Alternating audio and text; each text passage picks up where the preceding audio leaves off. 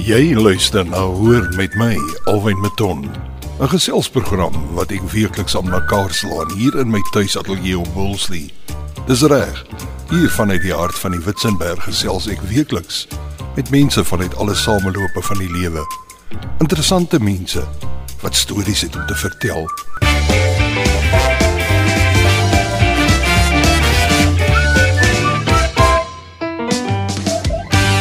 Goeiemôre van my Alwyn Maton hoor 'n program wat ek vir jou elke Sondagmiddag bring hier vanuit my tuisateljee aan die voet van die Witzenberg Woolsley so wat 110 km buitekant Kaapstad in Suid-Afrika. Nou ja, dis 'n pragtige Sondag en uh, skink vir jou 'n lekker koppietjie koffie en 'n koppietjie tee of wat ook al en as jy ietsie bietjie sterkers in 'n glasie het, is daar absoluut niks met dit fout nie. So bly ingeskakel vir hierdie ene vanmiddag het ek nie 'n uh, klomp gedeeltes op die program met jou nie.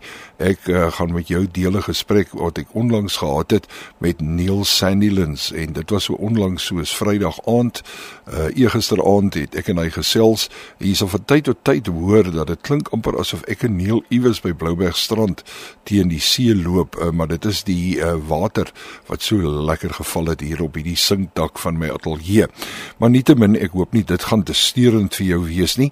Andersins uh, ja 'n lekker gesprek. Ek het gewoonlik nie sulke lang gesprekke met die mense met wie ek onderhoude voer nie maar hierdie ene het absoluut uh, ja dit was nodig so ja Neil Sandilands as jy hom nie uh, ken nie gaan jy hom vandag leer ken. Neil kom 'n lang pad in teater en ook uh, agter die kamera en voor die kamera in Suid-Afrika. Hy het baie films het hy self uh, regie in gedoen en so meer en hy het in baie van hierdie films en televisiereekse het hy self gespeel. Hy het ook uh, ja, sy pad na Amerika gevind in Los Angeles gewoon al 'n paar maal en hy gaan nog gereeld terug soontoe om daar aan films en 'n uh, televisiereekse te werk. Jy sal hom onthou van die onlangse televisiereeks van hierdie jaar was daar ene gewees met die naam van The 100 en ook Flash waar Neil 'n rol gespeel het. En dan het hy ook natuurlik 'n skokkende rol vir die Amerikaners uh, wat hy gedoen het in 'n uh, reeks met die naam van The Americans. Maar nou ja, bly ingeskakel vir daai enetjie. Is 'n lange so sit lekker agteroor. Hier kom hy. Hier. En ek gesels 'n bietjie vanaand met 'n man met die naam van Neil Sandilands. En Neil, ek sien jy het sommer 'n hele klomp name, Neil Joseph William Sandilands. Ja, waarskynlik die mees on-Afrikaanse groepering name. Neil Joseph William Sandilands. Ek weet nog nie of die Afrika of ek regtig al as Afrikaans geëien is nie. Aha. Ek dink ek dink die volk sukkel miskien nog bietjie daarmee. Jy weet dit is nou nie 'n obvious ja. so van Afrikaanse van soos 'n meiring of 'n swanepoel, jy weet. Ja, ja. Maar dis inderdaad, dis van Skotse afkoms. Yes. Uh die as jy die Sandilands gaan opkyk, dan uh, we come from a long line of whiskey distillers and horse thieves. Dis goed om te weet. Dan het ek nou die drie name. Mm Neil, nou dit kom van die Gaelic Nile af en hy's die anglicized version van dit is Neil en dit beteken champion for real. Ek ek jok nou nie. Champion. Ja, ja. En dan uh, Joseph uit die aard van die saak en natuurlik daar jy weet is hy baie it's the biblical Joseph.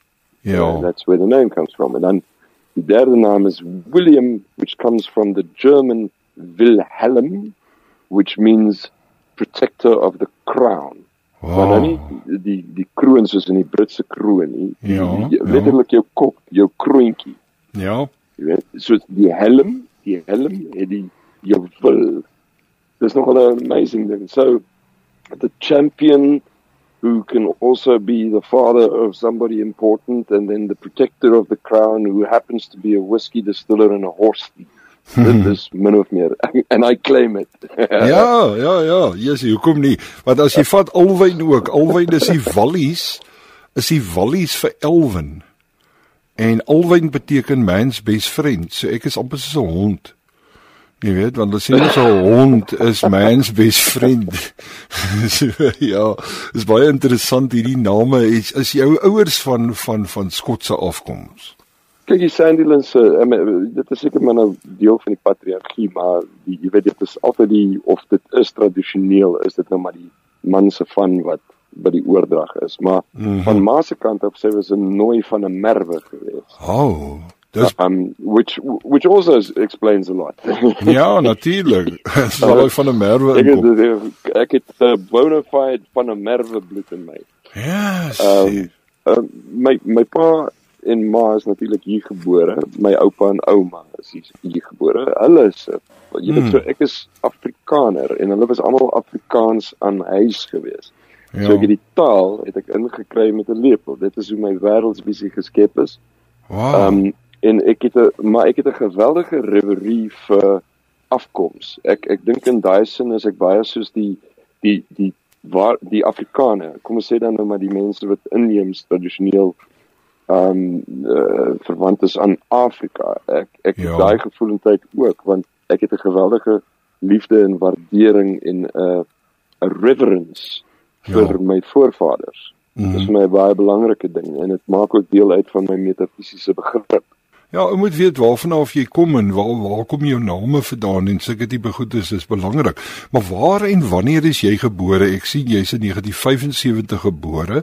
Waar is jy gebore in die Transvaal? Alwen ek hou van narrative spin, jy weet, 'n mens kleer altyd jou eie narrative, uh, jy weet, dis nie embellishment nie, maar uh, en hmm. as ek gebylieg dan hopelik doen ek doen ek dit op vir die skade doen nie. Maar ek hou daarvan om te vertel en dit is 'n feit, verifieerbare feit dat ek in die Discovery kliniek ja gebore is. Aha. Nou as mense dit ook so as mense 'n bietjie weier plaas, mm -hmm. dan is daai daai hele gedeelte is cradle of humankind as jy nou daar uitgaan sterkfontein se kant toe ja. marpeng soos wat hulle hom deesdae noem mm -hmm. so ek ek is gebore in die discovery kliniek ehm um, groot geword op randfontein ja daar goudmyn wêreld mm -hmm. maar in die groter soort van gedeelte die wesrand en 'n uh, Kleersdorp op skool en dan het jy nou sterkfontein daar which was my stomping grounds ground so ek kom van die ek hou daarvan om veral internasionaal om mense as ek dit nou moet vertel en inkleer dan sê ek nou vir hulle I come from you know the the origin of the species. Ons het hier begin. Ja. sover ons weet nê nee. ja ja. So dis hoe, hoe ek hom inkleer ja weet al skooljare laerskooljare was op Randfontein en die hoërskooljare was koshuiskind uh, by Monas hoërskoolmonument op Kreersdorp op Kreersdorp ja ja Is dit waarskynlik ja. waar jy jy jou naam Bart Kreer gekies in Sewende Laan? Ons gaan net 'n bietjie gesels oor Sewende Laan. Maar is dit waar die Kreer vandaan gekom het of is daar geen method behind the madness gewees nie? Ja, daai ek het absoluut niks daarmee te doen gehad nie. Ek ek kan ja. onthou toe ek by Sewende Laan ingestap het, was hulle het eintlik 'n boyfriend gesoek vir Nina Swart se karakter, Wilmien. ja, ja. En ek ek sou aanvanklik sou my karakter miskien in die argitektskantoor sou hy daar gewerk het. Mhm. Mm maar ek dink hulle hulle hulle so 3 maande lank het hulle die kat uit die boom uit gekyk en toe man seker net besluit hierdie Sandylins is so gemaak en laat staan so hy gaan hy gaan Bart Kreer wees en ons gaan vir hom 'n Dilly uniformpie aan ja. aantrek ja. en toe ek nou so half meer hoe sal mense sê komiese relief ja word. Ek het so ek het van van 'n hot Casanova afgegaan na die Village Idiot. ja, hierdie baie beskeie ou met die poeierblou, poeierblou pakkie. Ek kan onthou dit was so 'n poeier so 'n poeierblou. Ek kom met Wilmini. Nooit. O, jy het nooit kans gekry nie. Hy het nie ooit reggekom met enige iemand nie. ja, ja. Ja, hart is die hele tyd gebreek. Ai, shape. Maar sê of my groot word in skooljare, familie, broers, susters, ehm um, is dit 'n groot familie gewees die Sandy Linse van uh daar van Randfontein of was julle maar 'n paar gewees? Terugkykend, skies daar soos nou polisie sirenes daar in die agtergrond, kan jy dit hoor? Ja, dit is tipies Johannesburg. Ek dink dit is goed vir ambience, jy weet. So yes, los dit ons los dit net so. Just like jy met jy met Los Angeles hoor op 'n Vrydag aand. Yes. Ehm um, Randfontein kyk 'n kind ek ek dink nou aan daai foto. Ek het so baie baie bekende foto wat hulle gevat het van kinders wat in die Gaza strip ehm um, hulle het uh, so swart en wit foto van 'n klomp kinders en hulle is besig om hulle lag, hulle is besig om te speel. Ja. Maar alles om hulle lê in pyn. So Randfontein en die Wesrand, daai gedeelte uit uh Randfontein, Carltonville, Western area, Vogwel. Mm. 'n Mens kan nou maar, jy weet, dit's just call a spade a spade. Is is nou nie van van al die plekke in Suid-Afrika tel Randfontein is baie dinge, maar hy is nie mooi nie. Ja. Dit was maar redelik plat ook. Ek wil my vergewe daarvoor. Ja. Maar as kind eh, het het my belewenis van Randfontein was wonderlik. Mm. Ek het eh, regtig, ek het 'n goeie kindertyd gehad. Ons is die drie kinders, maar daar's 'n geweldige gap tussen my, ek is nou natuurlik die verantwoordelike ouer boetie Ja. en dan het ek 'n boetie wat so 3 en 'n half jaar jonger as ek is, Mervin. Ja, ek En ken vir Mervin. wat 11 jaar. Daar's Yes. 11 jaar tussen tussen die twee van ons. So uh ek is uh, ek is soort van ek dink my ouers het vroeg toe hulle na die kindersielkundige toe gegaan het en die kindersielkundige vir hulle gesê het, "O, uh, jy wel sterkte en ek hoop julle is gelowig." Ja. Ehm um, dit hulle my hulle het my na 'n Ram laerskool toe gepos. Ja. Baie van my vakansies het ek by my ouma en oupa op Rustenburg deurgebring. Dis 'n mooi en plek. toe toe ek ja, Rustenburg is mooi en dit was uh, daai tyd was dit veral sitruswêreld geweest. Ja. Sitrus, ja. avokado's en neute. Jy weet Mm, baie mm. sterk ag agri uh, Ja. teenwoordigheid. Deesdae is dit amper feitelik dit sluitlik platinum. Jy weet. Ja. So hy het ook maar omvorm, maar ehm um, ja, ek weet nie jy jy kan maar uh, moet ek moet ek nog steeds uitbrei oor die kinderjare? Nee, nee, nee. 12 toe se kosse is toe. Ja, En gesels. dit was vir my net so 'n fantastiese ervaring. Ek het in feite ek het 7 jaar van my lewe het ek op koshuise deurgebring. Ja. En ek het nou weer gesien met die met die COVID ek dink daar sou 'n geweldige skill sets wat jy ontwikkel op 'n baie vroeë tyd. Ja. As jy in so 'n so let's call it institutionalized living is. Ja, ja. Ehm um, jy moet oor die werk. Dis bietjie Lord of the Flies, hè, en mm. -hmm. bietjie Animal Farm. So bietjie verweef Ja. is die goeders wat jy in die koshuis optel, maar ongelooflike goeie mens skills want jy Mm. jy moet met mense oor die weg kan kom. Ja. Jy moet in in groepe mense kan funksioneer en daai goeders het ek baie beslis uit die koshuis uit op opgetel. Dit was baie dissipline, dissipline is baie streng toegepas, Mm. maar daar was ook 'n vryheid daar binne-in. En ek dink my maale het dit goed gedink om my koshuis toe te stuur want dit het my in staat gestel om meer soort van in die skool te integreer en buitemuurse aktiwiteite te kan doen en jy weet myself uit te leef. Ja, 'n mate Ehm, van onafhanklikheid te be, te be, uh, te bekom waar jy vir jouself goed moet vinnig dink op die oomblik ek moet nou dit doen, ek moet daai doen, maar 'n pa sien naby nie. Korrek. Dit het jou 'n uh, mate van selfstandigheid gegee en Yes. oorlewing op 'n sekere manier. Ek dink baie van acting, my acting in elk geval het gekom as 'n oorlewingsmeganisme. Mhm. Want ek het psigies baie vroeg verstaan o, okay, maar as ek handel in 'n sekere manier, dan kan ek die uitkoms van sekere omstandighede of situasies kan ek beïnvloed. Ja. Mense sou natuurlik kon redeneer manipuleer, nee.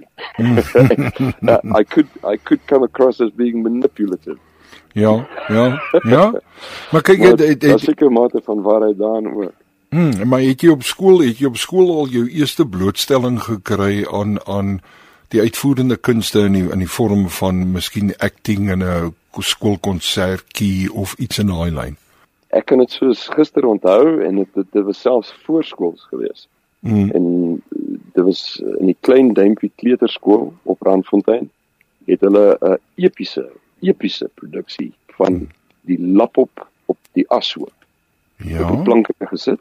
ek onthou hom. ek is toe ge, ek is gecast as die jy jy ken die liedjie daar's iemand het 'n lap op op die ashoop daar daar Ja, gegooi, ja, ja. net 'n vrot pampoen en 'n stukkie kinders Dis hy. dan gaan dit so aan en dan eventually dan kom dit by die kous sonder maat en die kous Ek lag nie, ek lag nie vir jou nie, ek lag met jou. en hulle cast my toe as die kous sonder maat en dit het so half 'n tipe van 'n bloudruk vir die res van my lewe geword. Ja, is- so jy was 'n sokkie gewees, 'n sokkie van die tyd af. Ja, Jessie, dis interessant. So daar het jou, daar het Neil Sandylins basies sy eerste tipe van experience in awareness gekry van jy jy kan iets anders wees as jouself.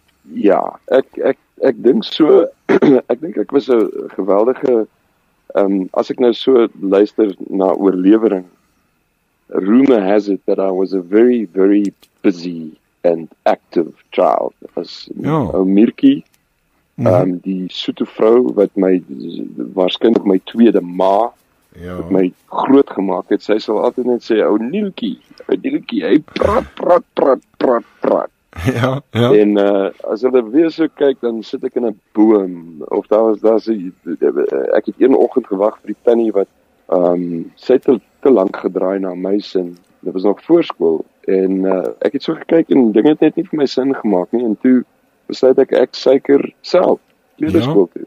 Ja. Nat Natuurlik 'n groot konsternasie want ma word gebel by die skool en almal is hysteries want die kind is weg. En hulle hulle oë uitvee het is ek heerlik besig om klas te hê. Dit ek myself by die skool gekry. Ek het 'n lift ook gevang by mm -hmm. Tannie in 'n stasie waar. Mhm. so, ja, ek weet nie wat dit beantwoord nie, maar um, om dit weer op te time met waaroor jy vroeër gepraat het en en die oorlewingsmeganisme ding. Ja. Ek dink ek het baie vroeg besef want ek was baie klein ouetjie gewees.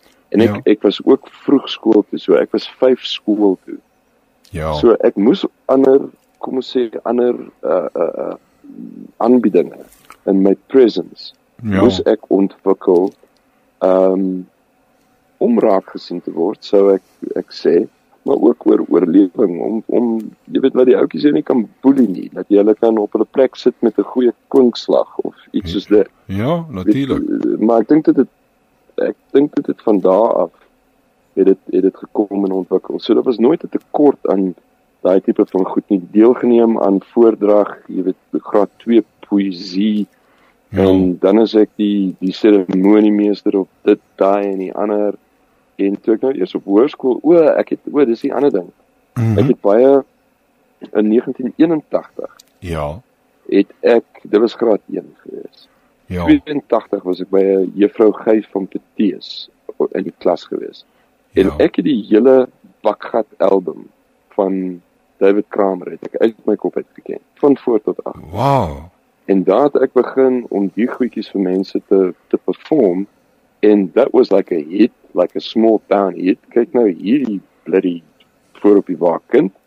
Mm -hmm. En jy weet dan tannie is my uitgenooi na koek en tee goedjies en jy weet so that sort of uh, lent itself to an awareness of hierdie hierdie Sandilands mannetjie there's maybe mm, there's something to him you know ja en ek ek sê dit met 'n groot mate van respek uh en die die ongelooflike waardering wat ek het vir vir Kramer se vroeë werke ja vir Anton Goosen se voorwerke dit het 'n 'n lewenslange invloed gehad op my en ek dink spesifiek omdat hulle stories vertel het Ja. As jy nou dink aan Stanley en die koei en Bochum ja. en Voetsek of die verhaal van Blokkies Hubert. Begrafnistyd um, op Zeres, dit sulke Ek wil nou net daai een sê, jy weet van Anton se werke. Ja. Um boy van die suburbs. Uh, daar was daar was iets omtrent die aanbod van daai musiek wat vir my onmiddellik uh kon ek identifiseer daarmee. Dit het vir my geklink asof dit uit my wêreld uitkom. Dit is mm. konsepte mm. en begrippe wat ek verstaan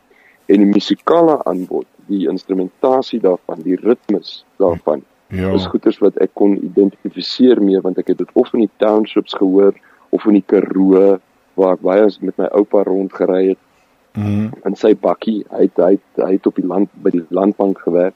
So daar was vir my iets autentiek en waar omtrent die aanbod van mense soos uh Kramer en en Goosen seker sekerlik.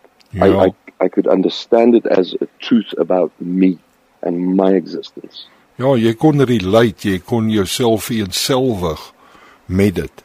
Yes, yes. En uh, jy weet dit het ek so dit was maar my blootstelling. En toe ja. toe ek nou op hoërskool was, toe 'n uh, juffrou ek, ek jy weet ek dink baie aan die wonderlike rolle wat vroue uh, primarily of eintlik feitelik deur deurgangs in my rolle gespeel het, maar dit was ook 'n juffrou, juffrou Estie Pinaar. -hmm. wat my op hoërskool raak gesien het. Nou moet jy onthou ons is aan die rand. Ja. En ek weet nou nog nie hoe sy dit reg gekry het nie, maar daar was 'n audisie gewees vir meester En sy ja. het 'n groepie van ons in 'n kar gegooi in 'n in 'n kombi, 'n skoolkombi en ons het deurgery Johannesburg toe en ons het die audisies gedoen en I don't know. I ek weet nie wat ek gedoen het nie, maar in elk geval daar stap ek op op 'n stel in die eerste keer in my lewe. So ek het regtig op stelle groot geword. Ja. En dit was my onderrig. So ek het dit nooit gaan swat. Daar was nooit 'n begeerte vir my om drama te gaan swat of so nie. Dit is meer 'n soort van 'n intuïtiewe wete dat jy dit in elk geval in jou aanbod het. So ek het ander leerings gaan opsoek.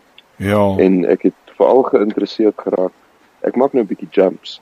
Jy weet ek weet nie weet nie hoe hoe uh, intensief jy in my geskiedenis wil ingaan nie, maar ja, um, ek het na my graad was in die in humanity in die sosiale wetenskappe gewees. Ja. Politiek, filosofie, sosiologie, etiek. Daai goeters het vir my fascinasielkunde het vir my 'n uh, fascinasie of dit het my Ja. fascineer. want op daai noot ek wil vir jou my volgende vraag was uh, na skool hoe lyk jou akademiese uh, loopbaan het jy het jy gaan swat waar het jy geswat Want sonder sonder om nou te klink asof mense brag, maar uh, ek weet mos nou nie hoe 'n mens so geskape word nie, maar ek het regtig nie gesukkel op skool nie. Ek het die skool het vir my redelik maklik gekom. Ja In feite ek dink eh, skool uh, was veral in my later soos dan het 8, 9, 10 Ja. waar mens eers soort van jou politieke bewustheid begin ontwikkel. En toe het ek nou al so half 'n smaakie van 'n wyeer wêreld, dit wat buite die confines of of Ja, ek was in standaard 8 was ek al oor see gewees vir die eerste keer. vragies waar was Um, dit Ek het 'n ding aangebied vir Mnet, Eco Boffins. En hulle het dit goed gedink om vir my en Cecil Barry, ek het nou nog gepraat oor Red Pepper Pictures wat net hier om die draai van my is, maar daai daai tyd was ek kinoor geweest. ja Dit het aan 'n tannie Louise Smit gehoor, behoort. Hmm. En ehm um, het hulle dit goed gedink om vir my en Cecil en hy was nie baie ou ouer as ek gewees nie. Hy was omtrent 24, ek was 14. 15 Ja. daar rond. Het hulle dit goed gedink om ons op 'n vliegtuig te sit in New York toe en die One Child One World Congress by die Waldorf Astoria in New York te gaan cover. ja So punt wat ek probeer maak is hier in standaard 8 al het ek begin om my politieke bewustheid. Ek praat Ja. nou nie van politiek soos in KP NP ja jy, weet net kom ons sê jou super ego daai ontwikkeling het vir my begin plaasvind en ek dink ek daar was 'n mate van frustrasie gewees of meer 'n soeke 'n ja soeke na avontuur jy weet om om ek die absorpsie vermoë van my onmiddellike omgewing het vir my te klein gevoel ek dink ek het mense katasa en besig gehou Ja, ja. Ja, want die wêreld is 'n groot So, plek, ja. jy weet en en jy wil jou vlerke sprei, maar dit klink al vir my Neil asof jy is bietjie van iemand wat met 'n goue lepel gebore is as ek so na jou luister. 'n Goue lepel in die sin van dat uh, daar baie geleenthede op jou pad gekom. Ehm um, ja. Ja, ek ek dink dit is tweeledig, jy weet. Ek my my ouers in hulle in hulle hoe sou mens sê onkunde het Ja. eintlik verstommend baie goeders reg gedoen. Ja, dink my ma by die ruimte wat hulle wel vir my kon skep binne in hulle vermoëns. Ja, En daar was niks uh, jy weet there was nothing out of the ordinary there. En dit is ek sou ek sou dit beskryf as 'n gewone middelklas bestaan. Ek het kategie wat wat katekisasie gedoen. Mm. Ehm um, jy weet ons was nie dik gewees nie. Daar was daar was baie pelle wat baie ryker en, die, en baie meer afskouerig ja, was as ons. Ehm um, maar ek dink binne in die gegevens het hulle geweldig baie moeite gedoen. Ek dink ook hulle hulle het vroegtyd verstaan dat hulle miskien so met 'n bietjie van 'n vreemde mannetjie te doen het. En ja. hulle het geweldig baie moeite gedoen. So ek sê ek is baie baie dankbaar daarvoor. Hulle Ja. ja. het wanneer die geleenthede dit self voorgedoen het, het hulle alles in hulle vermoë gedoen om my te assisteer daar binne. En dit kan ek onbeskaamd sê.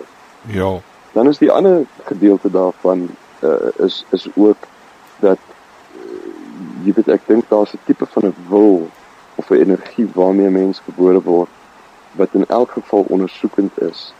En daai ding was vir my van kleins af. Ek het miskien nou meer 'n beter woordeskat om dit uit te druk, maar van kleins af was ek bewus daarvan dat ek dinge wil ondersoek. Ek is die ou wat elke klippetjie wil omdraai. So baie van my geleenthede het ek ook self teweeg gebring of laat manifesteer Mm. because I was interested. Ja. Ek het ek het ek ek het as jy weet daai ding van raise your hand to be counted. Ek was voor in die koor. Ja, dis iets wat ons nie almal geleer het. Jy moet nooit ehm um, vir enige iets volunteer nie. Dit was 'n goue reël as jy in die weermag was met diensplig. Maar Neil, ek gaan jou nou gou op daai op daai punt. Ons gaan nou nou aangaan. Ek gaan jou gou onderbreek. Ons gaan 'n breek vat. Net om vir die luisteraars kans te gee om vir hulle 'n bietjie lekker 'n koffietjie of 'n teetjie in te skink. Dit is hom after all Sondagmiddag. So uh, en as hulle gelukkig is en hulle dalk 'n glasie wyn, ja, geniet hom ook.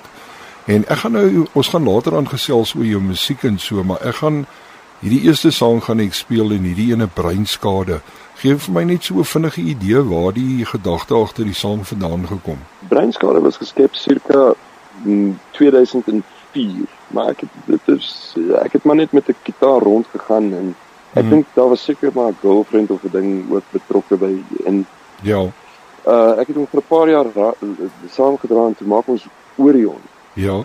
En toe het ons natuurlik oorspronklike musiek gedoen. Ek het die hele soundtrack met die hulp van Ronel Nel het ja. ek die wat sou mense sê die die ek was die compiler gewees vir die musiek wat in die reeks gebruik is. Yes. Al die musiek wat daar binne in was, het ek na musikant pelle toe gegaan, musiek waarvan ek gehou het en dit verweef. Ek het dit Hmm. vir die editor natuurlik gegee, Ronel Loots.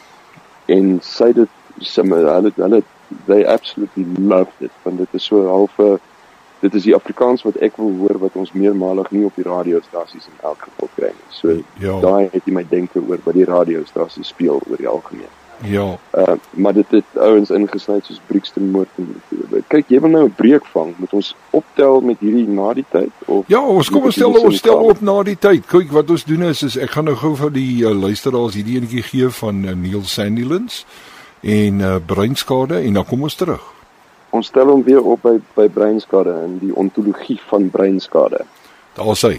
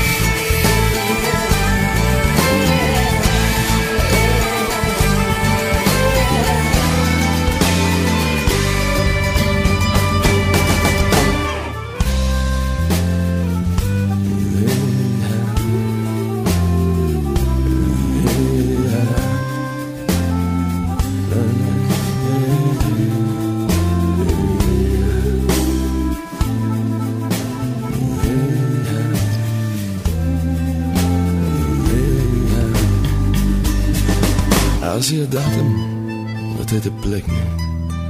Ek is lankie nie jou gek nie. En die tafel is gedek nie. Oh, ek is nie meer ek nie. Ek sê weer wou vergeet en ek wil alles van jou weet. Jy is hier tyd om my kop maar kan jy nie meer ondoen Ek kan jy nie meer ondoen Ek kan jy nie meer ondoen Ek wil nie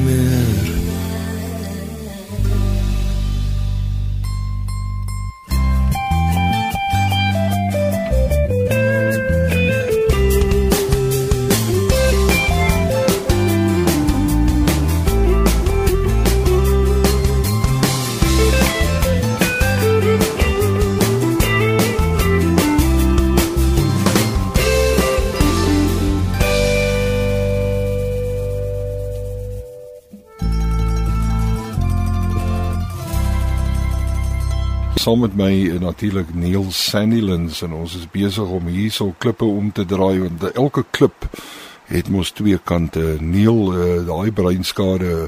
Ek het nog altyd van die eerste maal toe ek die song gehoor het gehou daarvan en ek uh, as ek kyk na die video en so waar jy spesifiek sing van uh, jy onthou my nie meer nie of ek onthou jou nie meer nie.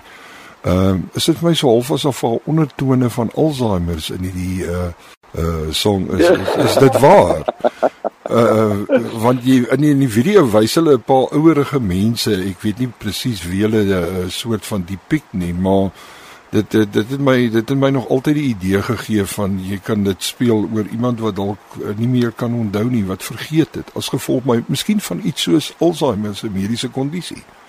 Goed, dit is nou 'n totaal nuwe take op die op die werk, maar ek het dit nie so gesien nie. Uh, okay. Uh hoe ek hom gehad het, uh wat in my kop aangegaan het met die vervaardiging van die van die uh, kom ons begin eers by daai liriek wat jy uitge, uitgevind het. Dit is 'n bietjie van 'n speel met woorde. So ek herhaal hom twee keer. Ek kan jou nie meer onthou nie.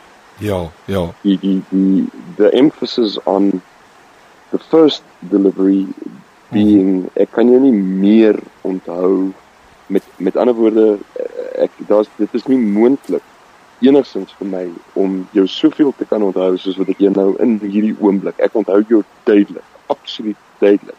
Ja. Ek kan ek het 'n herinnering aan jou. Dit dit is nie moontlik, dit is nie vir my menslik moontlik om nie nou in hierdie oomblik ten volle aan jou te dink nie.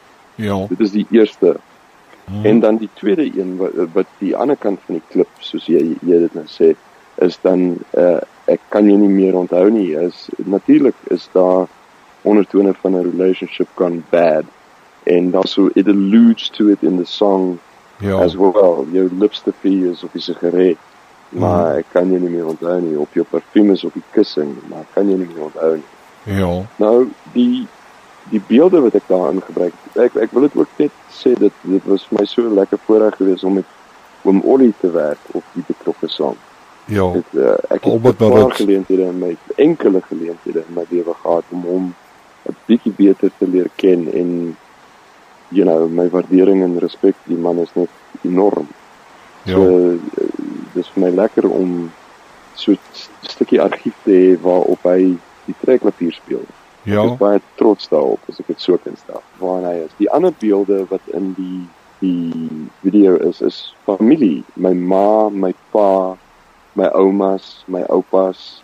Ehm um, ja en daar dit is vir my ook so half verweef, jy weet. Ek ek dink ek was nog altyd geïnteresseerd in ek dink die breinskade ding hoe ek dit kan verweef is is is eintlik 'n uh, vroeë soeke na om uh, to come to terms with with what you are genetically. Mhm. Mm jy weet die dit is daai ding van die sondes van jou vaders ook, jy weet jy jy is gebore kom ons sê nou maar in die Bybelse sin van jy is gebore uit die daad van liefde. Mense het op ja. hulle het dit goed gedink om mekaar te zankie. Ja, ja. Daar kom jy. En daar is jy. Weet? Maar daar's 'n daar's 'n hele geskiedenis in uh uh, uh jy weet as jy mens kyk na evolusie wat daarmee saamgaan en natuurlik baie van daai patologie ja. dra jy met jou saam. Dit is deel van jou jou DNA.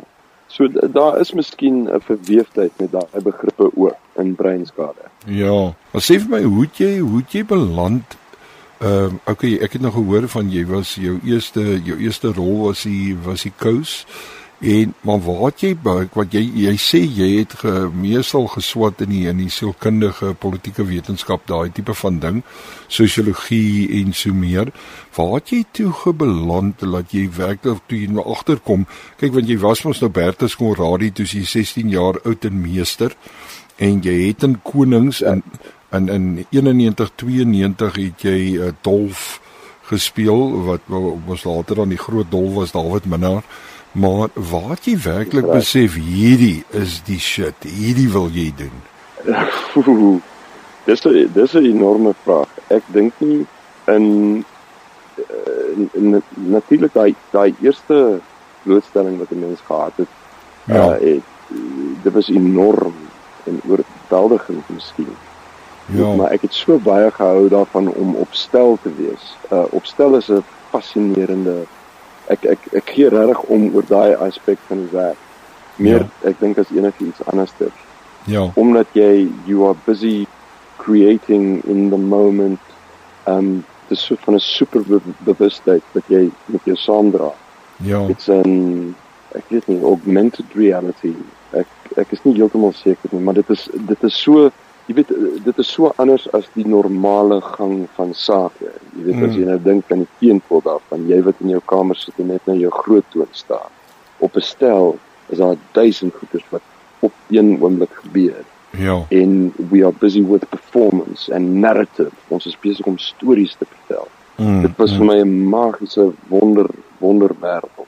Um dat daar rolle oor my pad gekom het wat uh, mense daar's altyd daai ding van art imitate life en life imitate art but op daai gegeewe stadium ja. van my lewe as 'n speler het jy 'n betrokke energie wat saam met jou gaan en deurgangs mhm mm het eh, was was die rolle was daar 'n bietjie van die rol wat teenwoordig was in my onmiddellike ervaring van die lewe en dan was daar natuurlik 'n bietjie van myself yeah. which I can Im could imbue that specific character with. Mm, um, mm. Maar dit was altyd vir my 'n uitdaging. Dit was nooit 'n ding van um this is the it moment. Ja. Yeah. Um as ek dink aan iets soos Leufbord wat ek gespeel het, um in die. Ja. Ibsen uh Hedda Gabler. Ja. Daar was sulke verskriklike uh parallelle met my met met my lewe op daai stadium. As ek dink aan Zatopek wat ek gespeel het ja. op daai stadium van my lewe. Ehm um, daar was geweldige uh parallelle amper in kom ons sê Jungian archetypical value wat ja. in my eie lewe aan die gang was. Maar seker sekerlik uh, in Suid-Afrika. So ek sê tot vandag toe, ek hoor dit is, uh, is vers, verstommend want dit is hoe lank is ek is al dis 20 jaar gelede wat ek begin het by Sewende Laan. Ek is al 15 jaar nie ja. meer betrokke by Sewende Laan nie. Ja. En iets het met Bart Kreer het ons reg gekry want hy het in die volksmond gaan lê. Ja. Hy het hy deel van 'n van 'n braaivleis conversation geword en ek wonder baie daaroor maar ek dink ek dink wat wat Bart so eh, geliefd gemaak het is juis omdat hy nie dinge het nie maklik gekom vir hom nie.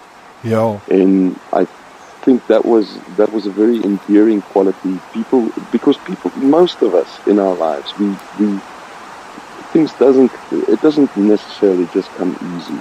Ja. Dit is nie altyd die die mooi uitkoms wat 'n mens wou gehad het nie. En ja. en part is hierdie soort van stoïek tipe van figuur.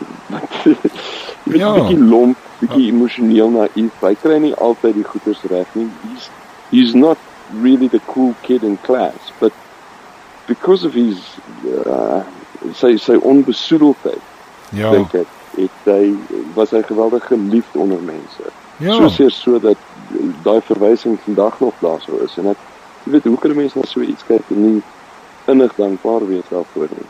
Ja. En ek het ek lewe baie meer gemaklik met dit nou saam. Dit maar op daai stadium het dit my regtig gepla Ek sê sê hoekom? Want uh, ek wil baie graag gehad het my audience moet saam met my op al die ander duisende avonture gegaan het. Ja. Uh en ek het gedink ons media en ons mense hier ter plaatse kon meer gedoen het as om dit altyd aan die ewige kapstok te hang. Ja. Ek dink hulle doen 'n uh, ons 'n verskriklike onreg aan um, ek wil baie graag mense saam met my gevat het Vancouver toe waar ek aan The Flash gewerk het. Ehm um, ja. of aan The 100 of nou wat ek saam met Tom Hanks gewerk het. Jy weet ja. ek het 1000 ander avonture gehad. Ja. En hulle het hierdie soort van halstarrigheid om nie ja, met, en dit is nie die publiek se skuld nie. Ek ek ek mense kan nie sê dit is enige iemand se skuld nie. Dit is maar net 'n manier van doen. Mm. mm. Jy weet maar ek sou baie graag wou gehad het die media Jy weet selfs nou nog, ek dink hulle hulle doen hulle is baie oulik as hulle na my verwys en huisgenoot byvoorbeeld as Bart van Serenlaan en I I just I have to go come on.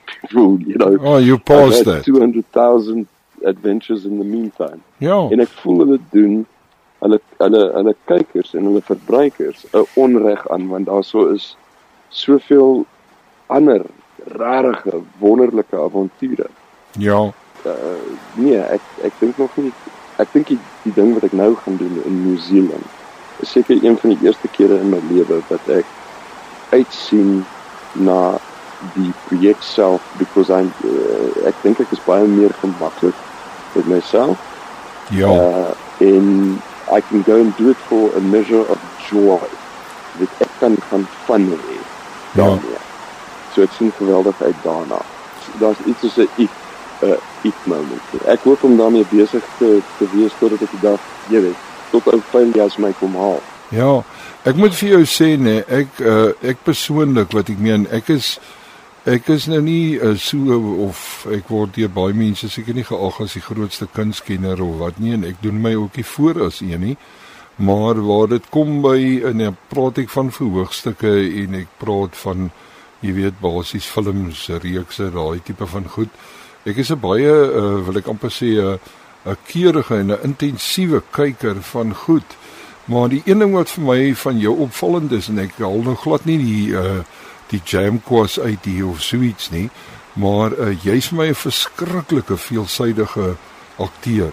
Dit is absoluut bewonderingswaardig want uh, jy lyk vir my altyd na die ou en dan praat ek byvoorbeeld van Robbie de Wee, ek praat van jy weet uh, Orion, al hierdie goed waarin jy speel, jy is my so gemaklik in jou rolle. Jy trek letterlik jou rolle aan, as ek dit so kan stel. Jou getroue vertolkings van jou karakters en jammer om dit nou te sê, ek gaan nou weer terug na Bartu. Kom ons begin by Bartu in Sewende Laan. Die rol wat jy daar vertolk van Bart Kreer is so right up the right alley tipe van ding. Jy jy het net 'n vermoë om daai rol te vat en dit joune te maak. En ewen in musiek is dit belangrik, jy weet, en ek sê dit as 'n absolute ek noem myself ehm um, kom ons uh, noem myself ehm uh, jy weet ehm um, eintlik 'n nie kenner van enige iets in die in die vorm van beeld of wat nie, maar dit is net vir my absoluut onvallend, jy weet, baie ouens Jy weet ek vergelyk acting amper met wyn, jy weet. Party ouens raak net beter en beter en jy raak net vir my beter en beter. Soos rooi wyn. Jy raak net beter elke rol wat jy vat en daar is baie voorbeelde wat ek kan gebruik uit Hollywood uit wat ek meen. Jy weet, maar dit lyk vir my ek, baie ek, ek, kere. Ek, ek kan jou net los om te praat. Ek jy moet jy moet hou net aan gesels die punt Ja, ek gaan nou nie die jam kwas terugsit. Maar wat ek wou gesê het is jy weet jy kry akteurs en dan praat ek van ouens ek praat van name soos El Pacino, ek praat van ouens soos soos soos uh, uh Jack Nicholson. Ek's 'n geweldige groot Jack Nicholson fan en ek sê altyd die rede hoekom Jack Nicholson so goed was. Ek glo hy act 5% van sy rolle. 95% is Hy is Jack Nicholson en ek wil amper nou sê op baie noot en ek wil jou vra oor dit. Is jy in baie van jou rolle nie eintlik wie jy is nie? Sjoe. Ehm um, kan ek kan ek eerstens net vir jou sê baie baie dankie vir vir die wonderlike komplimente. Ek is nog altyd bietjie ongemaklik oor jy weet ek wil net vir jou sê dankie. Ek I I noted en dit is nie asof ek dit gaan nie ongesiens verby nie. Ja. So dankie daarvoor. Die tweede deel daarvan is miskien 'n bietjie moeiliker. Maar ek ek ek dink omdat ek nie gaan studeer het nie, 'n uh, soort van 'n tegniese onderbou het nie. Ja. Die enigste ding wat wat ek het om my my te laat help oorleef in in daai tipe wêreld is a measure of my truth or how I see it. Ek weet wanneer 'n oomblik vir my lomp geaffekteerd ehm um, kosmeties voel. Uh, ek het, ek dink ek het goeie aanvoeling daarvoor, maar ek dink ook die ander ding wat ek doen is ek probeer as 'n mens 'n ja. deurleefde experience hê. So ek gaan soek baie goeders op omdat ek die experience wil hê. Ek wil weet hoe dit voel. En baie ja. van my rolle wat ek gedoen het was hulle vir my uitdagend, uh, miskien omdat ek vrese oor sekere tipe van goeders gehad het. Ja. En dan word die rol vir my 'n uh, 'n wekel waarin ek dit kan gaan ondersoek. Ehm um, en dan het ek het ek oomblikke en ervarings uit my eie ek dink mense moet net 'n deurleefde experience as 'n mens hê. Ja. En en dan jy baie om uit te put. Jy weet en dan dan het jy baie goeie aanvoeling ek dink vir wanneer jy op die vloer in die oomblik is van okay this is this works this doesn't work. Ja. Ja. Maar baie keer is dit vir my net so eenvoudig soos oom PG Du Plessis gesê het hy hy gesê die verstommende hy hy Kobus Resou probeer opsom. Ja. En hy het gesê man hier's die ding omtrent Kobus Resou. Hy kan groot speel en hy kan klein speel. en dis net maar dit. en dit is baie goed raak gevat. Dis baie goed raak gevat want Kobus Resou is ek kyk ek het ek het die eerste bal wat ek aan teater bekend gestel is was dan net 9 toe ons Othello gedoen van Shakespeare. En ehm um, ja. Iago en Othello. Othello was gespeel deur Marius Weyers, Elizabeth Archer, dink ek het Desdemona gespeel en Kobus Rousseau was was Iago. En dit was gewees nog in die destyds in die Nico Milan teater. En ons Engelse juffrou het ons die aand gevat. Dit was 'n absolute blaas. Jy, jy weet jy raak nou aan 'n ding wat vir my baie belangrik is. Baie mense dink dink ek het 'n oor geromantiseerde siening van Hollywood LA. Is ook maar op die einde van die dag is dit net mense, maar as as jy nou vir my vra wat is die regte wonderlike oomblikke En in die oomblik het ek dit nie eens geweet nie. Dit is nou terugkykend. Ja. Maar wat vir my van gewaardig geweldige waarde is is die feit dat ek byvoorbeeld met 'n Kobus Resou opstel was. Ek het tonele teenoor Kobus Resou gedoen. Ek het met, saam met oom well, you can might as well call him sir, maar met Michael Atkinson. Oh, oom Janie Gildenhuys. Ja. Ehm um, hierdie ouens het baie vroeg in my lewe gefigureer, oom Limpie Bason. Mm, mm. Lou verwy. Uh die lys gaan aan Marius. Ek het tonele saam met Marius gehad. Ja. Uh jy weet en, as 'n mens as jy vir my vra wat wat is vir jou regtig van waarde, dan is dit daai ouens. Ja. Yes, sien nee, maar Lou verwy en daai ouens is groot. Met met Anna Mart gehad. Ek dink ek het nog net een keer met Anna Mart werklik in 'n toneel ingegaan en dit was uh, it was electrifying en dit was daai toneel uit um, Robbie de Beer uit. Ja, ja. Uh was hy net sulke verstommende goeie werk gedoen het. Jy weet so daai goeters is is, is vir my 'n riem onder jaar. Wat is dit wat is dit met ons in Suid-Afrika dat ons uh mense, kom ek sê maar ons mense dan tas ons niemand se persoon en waardigheid aan nie. Wat is dit met ons mense dat ons nie 'n film soos Robbie de Wee op 'n pedestal gesit het nie? Man, ek moet dit vir Mnet en kyk net gaan vra. Hulle weet baie meer daaromtrent as ek. OK. Ehm um, maar ja, ag nee, daar's ek soos ons mos nou hier lewendig op op lig, maar ek dink dit is 'n goeie vraag om vir Karen Meyering te gaan vra. Karen, wat het nou hier aangegaan? Kom ja. verduidelik nou mooi vir ons. Ek kan dit nie glo nie wat ek meen. If you can do it in a cheerful and benevolent way, then more power to you. Ja, my vrou het 'n eh, my vrou het 'n kolleksie van grootendeels kunsfilms. Goed soos Cinema Paradiso en uh ehm um, wat is hierdie daar so hier ag daar's soveel van die ene maar spesifiek jy weet hierdie colors blue red en al daai tipe van goed is. En in daai kolleksie is daar nie baie Suid-Afrikaanse films nie, nog te uh, ook nie Afrikaanse films nie, maar wie wat belade van Robbie de Wee is in daai kolleksie. En dan vra ek die vraag hoekom? Nee, weet. So ja. Maar Neil, ek het ek het, ek het persoonlik gedink, mm, dis tog al ek het persoonlik gedink dat die die die die die, die fliek was nie perfek nie. Uh jy weet daar's baie dinge wat hy's vir baie baie klein begroting gemaak onder ekstreme druk. mm, Maar hy het iets daarso is 'n discernible quality omtrent die film wat vir my interessant is. Ek dink uh, Orion het ook elemente daarvan en ja.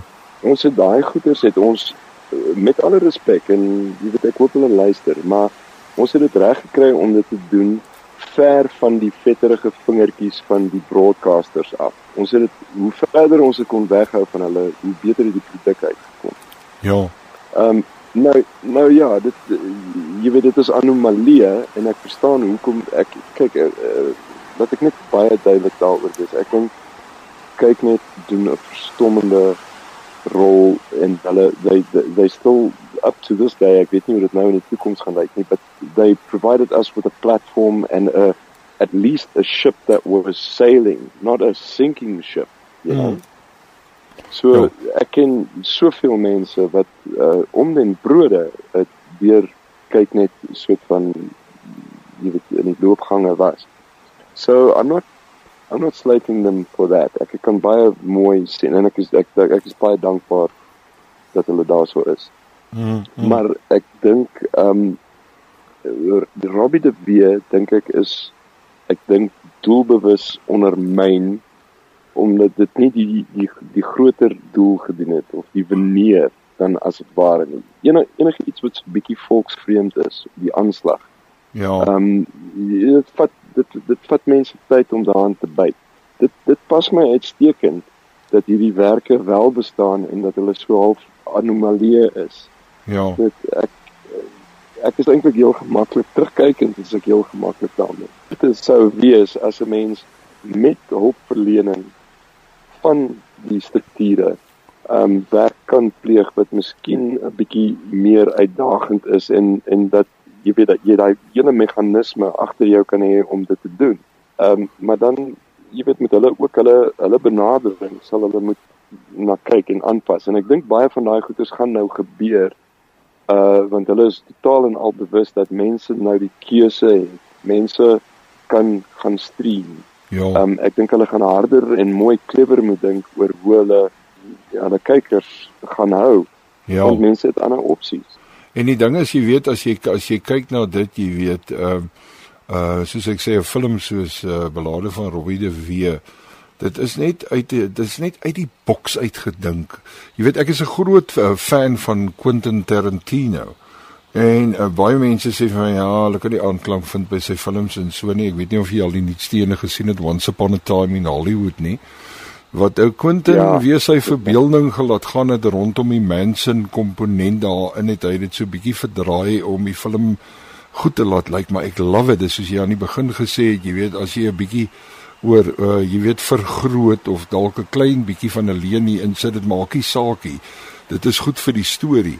Maar ehm um, Robbie de Wee laat my bietjie aan 'n tipe van 'n Tarantino styl dink hoe dit gedoen is. Jy weet daar's 'n bietjie satire in, daar's 'n bietjie black satire ook in dit op 'n manier.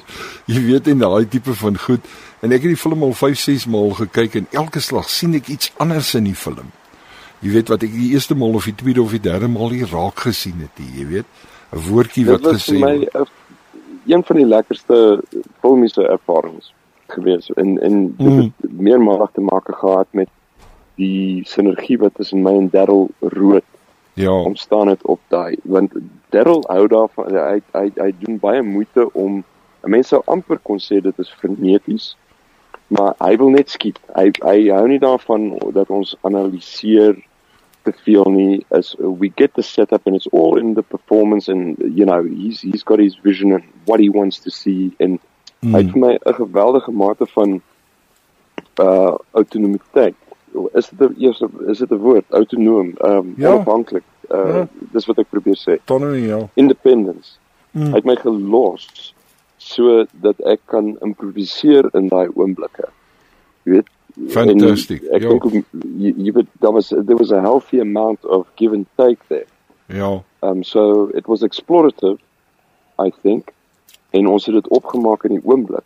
Wel ek vat 'n sluk rooiwyn op Darryl Rood. So uh, ja. Ja, ek wens uh, ek ek wens en ek ek hoop I'm sending it out in the ether dat hmm. ek en Darryl weer ergens 'n geleentheid sal hê om om iets saam te doen. Want ek dink ons het 'n uh, we we found our groove hier nou. Ja, net vir die luisteraars hierdie ene, ons gaan gou nog 'n breek vat, dan gaan ek gou uh Brixton uh se ehm um, dit kom ons dit was was die opening track gewees in elke episode van uh uh Orion. Orion. Spoed. Ons gaan ja. gevoel 'n spoed gee en uh dan kom ons terug met 'n spoed en uh ja, dan gesels ons 'n bietjie oor jou uh regisseurswerk, uh, skryfwerk en al daai tipe van goeders. MUZIEK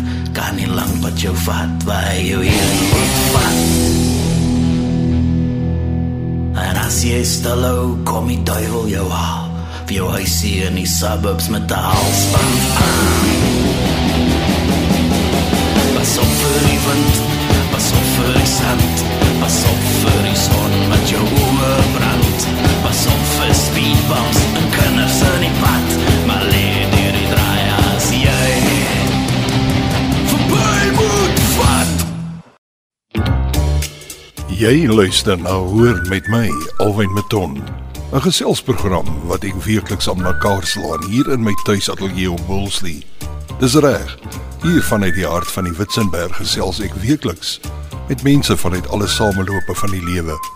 Interessante mense wat stories het om te vertel.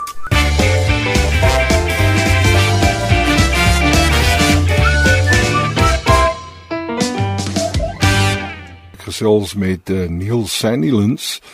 Neil, uh, jy het jouself definitief bekwam as 'n filmregisseur, 'n skrywer en uh, vele ander uitvoerende posisies in die filmbedryf. En ek uh, dink nou sommer net hier aan uh, die reeks Impresario wat uh, jy uh, saamgestel het saam met ek dink Albert Maritz en so meer. Nou Impresario soos ek verstaan is mos iemand wat vir jou iets bring, iets gee, uh, iets skep en daai tipe ding. En en jy is inderdaad 'n impresario. As ek kyk na jy weet uh hoeveel films jy by betrokke was al was jy net agter die kameras gewees. En nie noodwendig voor die kameras nie. En baie mense besef dit nie. Hulle ken nie daai gedeelte van jou nie. Wil jy iets meer daaroor sê? Kom ons begin uh by Albert Maritz weet dit het alles begin by Albert Maritz en en hy het dit by my tuis gebring. Hy het in sy eie tyd op eie onkoste het hy destyds gegaan en interviews met byvoorbeeld oom Limpie Bason mm. en Lou Verwy en uh, hierdie mense uh, jy weet wat half in vergetelheid uh, ja en uh, hy het waarde geheg daaraan maar mens moet ook sy agtergrond ken jy weet kom uit ja. kombuisteater uit sy pa was betrokke gewees. Hy self was betrokke. Sy seun is ook nou betrokke. So daar's 'n hele lyn wat daardeur gaan. Ja. En hierdie goeters is vir hom van geweldige waarde en hy het my opnuut hy hy het vir my daai liefde het hy by my ook uh tuis gebring. Mm. En hy het aanvanklik die reeks gehad met die naam die goue naalstring. Dis reg. Ek het gekyk na sy sy e-posadres wat en ek dink dit was is tot ek dink dit is impressa at mweb. Dis reg. Ek dink so. Ek ja. weet nie of die of die lig uitkry maar ek dink Ja. So en toe ek en hy begin praat oor impresario en ek dink dit was een van sy companies gewees en toe sê ek okay, wag. Gee vir my daai tapes en ek gaan ek gaan toe na kyk net die ouens met wat ek wat ek nou nou 'n hekel mee in het. Die ouens met die vrouens. Ek ek ek lê dit voor aan hulle en hulle sê toe okay reg kom eh, julle kan so iets gaan doen maar ek dink dit was maar nou net meer om hierdie irriterende sandlings net besig te hou. Ja. Want ek het uitgewerk ons het ons het daai hele reeks en ek uh, daar was 'n klomp daar was 'n magte om episode so ek dink miskien 20 Ek het hulle almal gekyk ja. Mm. Ehm um, het ons op die ou end van die dag gemaak daai tyd het dit was per per finished minute was ag man jy sal agteroorval as jy weet teen wat se belaglike onkoste ons dit voorgemaak het. Ja. Maar ons het dit ingekry en toe ehm um, met die ou materiaal want dit was nou al 10 jaar van tevore wat Albert dit dit geskiet het, het ons die nuwe materiaal ehm um, geskiet en a lot of this happened eintlik baie van my skryfwerk, my regiewerk, my mm. redigeerwerk mm. en producing work certainly um was born out of necessity really. Ja. Um dit was iets moet gebeur, ons moet hierdie ding maak en dan kyk jy in watter kapasiteit jy dit die beste kan dien. Ja. So dit was ook maar so half opstel leer en ek ek is baie trots op wat ek en Albert reg gekry het met Impresario ja. en dit was uh jy weet dit het ons totale bedryf gevat van die begin van die travelling theatre companies af. Ja, ja. En dit aan die hand van hierdie 20 profile mm. het dit die storie reg deur vertel tot waar ons op daai stadium was met reality TV. Dis ongelooflike reeks. Dit is 'n magdom geskiedenis wat ons daar gekover het en ons het aandag gegee aan elke verwysing daar binne-in is is nagevors. Elke fotootjie het ek geretuseer. Elke sterftedatum en geboortedatum het ek dit is 'n is eintlik 'n akademiese stuk werk. Ja. En ons het toe in feite uh van die Suid-Afrikaanse Akademie vir Kuns en Wetenskap het ons uh 'n toekenning gekry vir die werk wat ons gelewer het in mm. met impresario en ek is ek is baie trots daarop en ek is baie bly dat dit iets is wat 'n mens kon teruggee aan 'n bedryf wat vir beide vir my en vir Albert geweldig mm. baie beteken het. Jy weet ons voel dit um as ons nou praat van stories, narratives, we understand the fact that lives and people's lives Mm, is mm. it's intertwined and it's part of our story. Ons Ja. jy weet ons identiteit. En ons ons heg baie waarde daaraan. Ja. So that then about impresario en ek hoop ek het dit min of meer I, I serve it some justice. Ja, ja, want ek sê sê daai is waarskynlik en ek wil hierdie Engelse woordjie prolific gebruik. Daai is 'n prolific stuk werk daai. En daai stuk werk sal nooit nooit nooit kan vergaan nie, want die onderwerp is net so dit het net absolute longevity en uh, dit is iets wat die nageslag behoort te sien.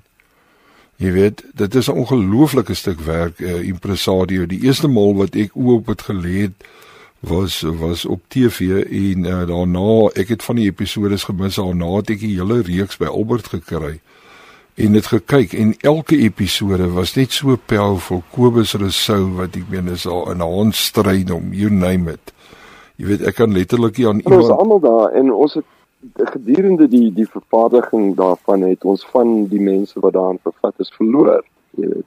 mm, mm, Ek Ja. dink ek dink die interviews daar wat met oom Dirk de Villiers en met Jans Rautenbach gedoen is is van die laaste en die nie die laaste wat wat Ja. wat hulle ooit op aan kamera was.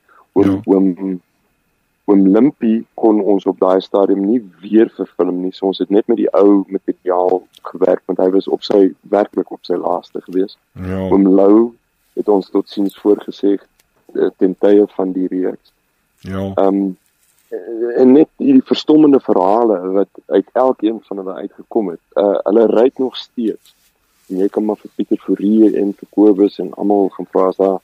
'n performance is wat hulle uitlig as seker die uh uh definierende of grootste performance Ja. wat mense van daai era ooit gesien het was dit Lou Verwy geweest in mm, mm, die stuk die was die dienskneg Matti ek is nie heeltemal seker wat die stuk se naam was nie maar Dieter Raibla het die regie daarvan gedoen en min of meer ek as jy wil ek sal vir jou die storie vertel maar ek weet nou nie hoe doen jy op tyd nie nee ons het dit is nogal ek moet hom op op 'n lang lyn gaan haal Ja, ja, maar kyk ons kan daai ons kan daai storie kan ons kan ons vertel. Ek hardloop sommer twee episodes met uh Neil Sandylins. Ek dink hierdie is goed wat die mense moet hoor.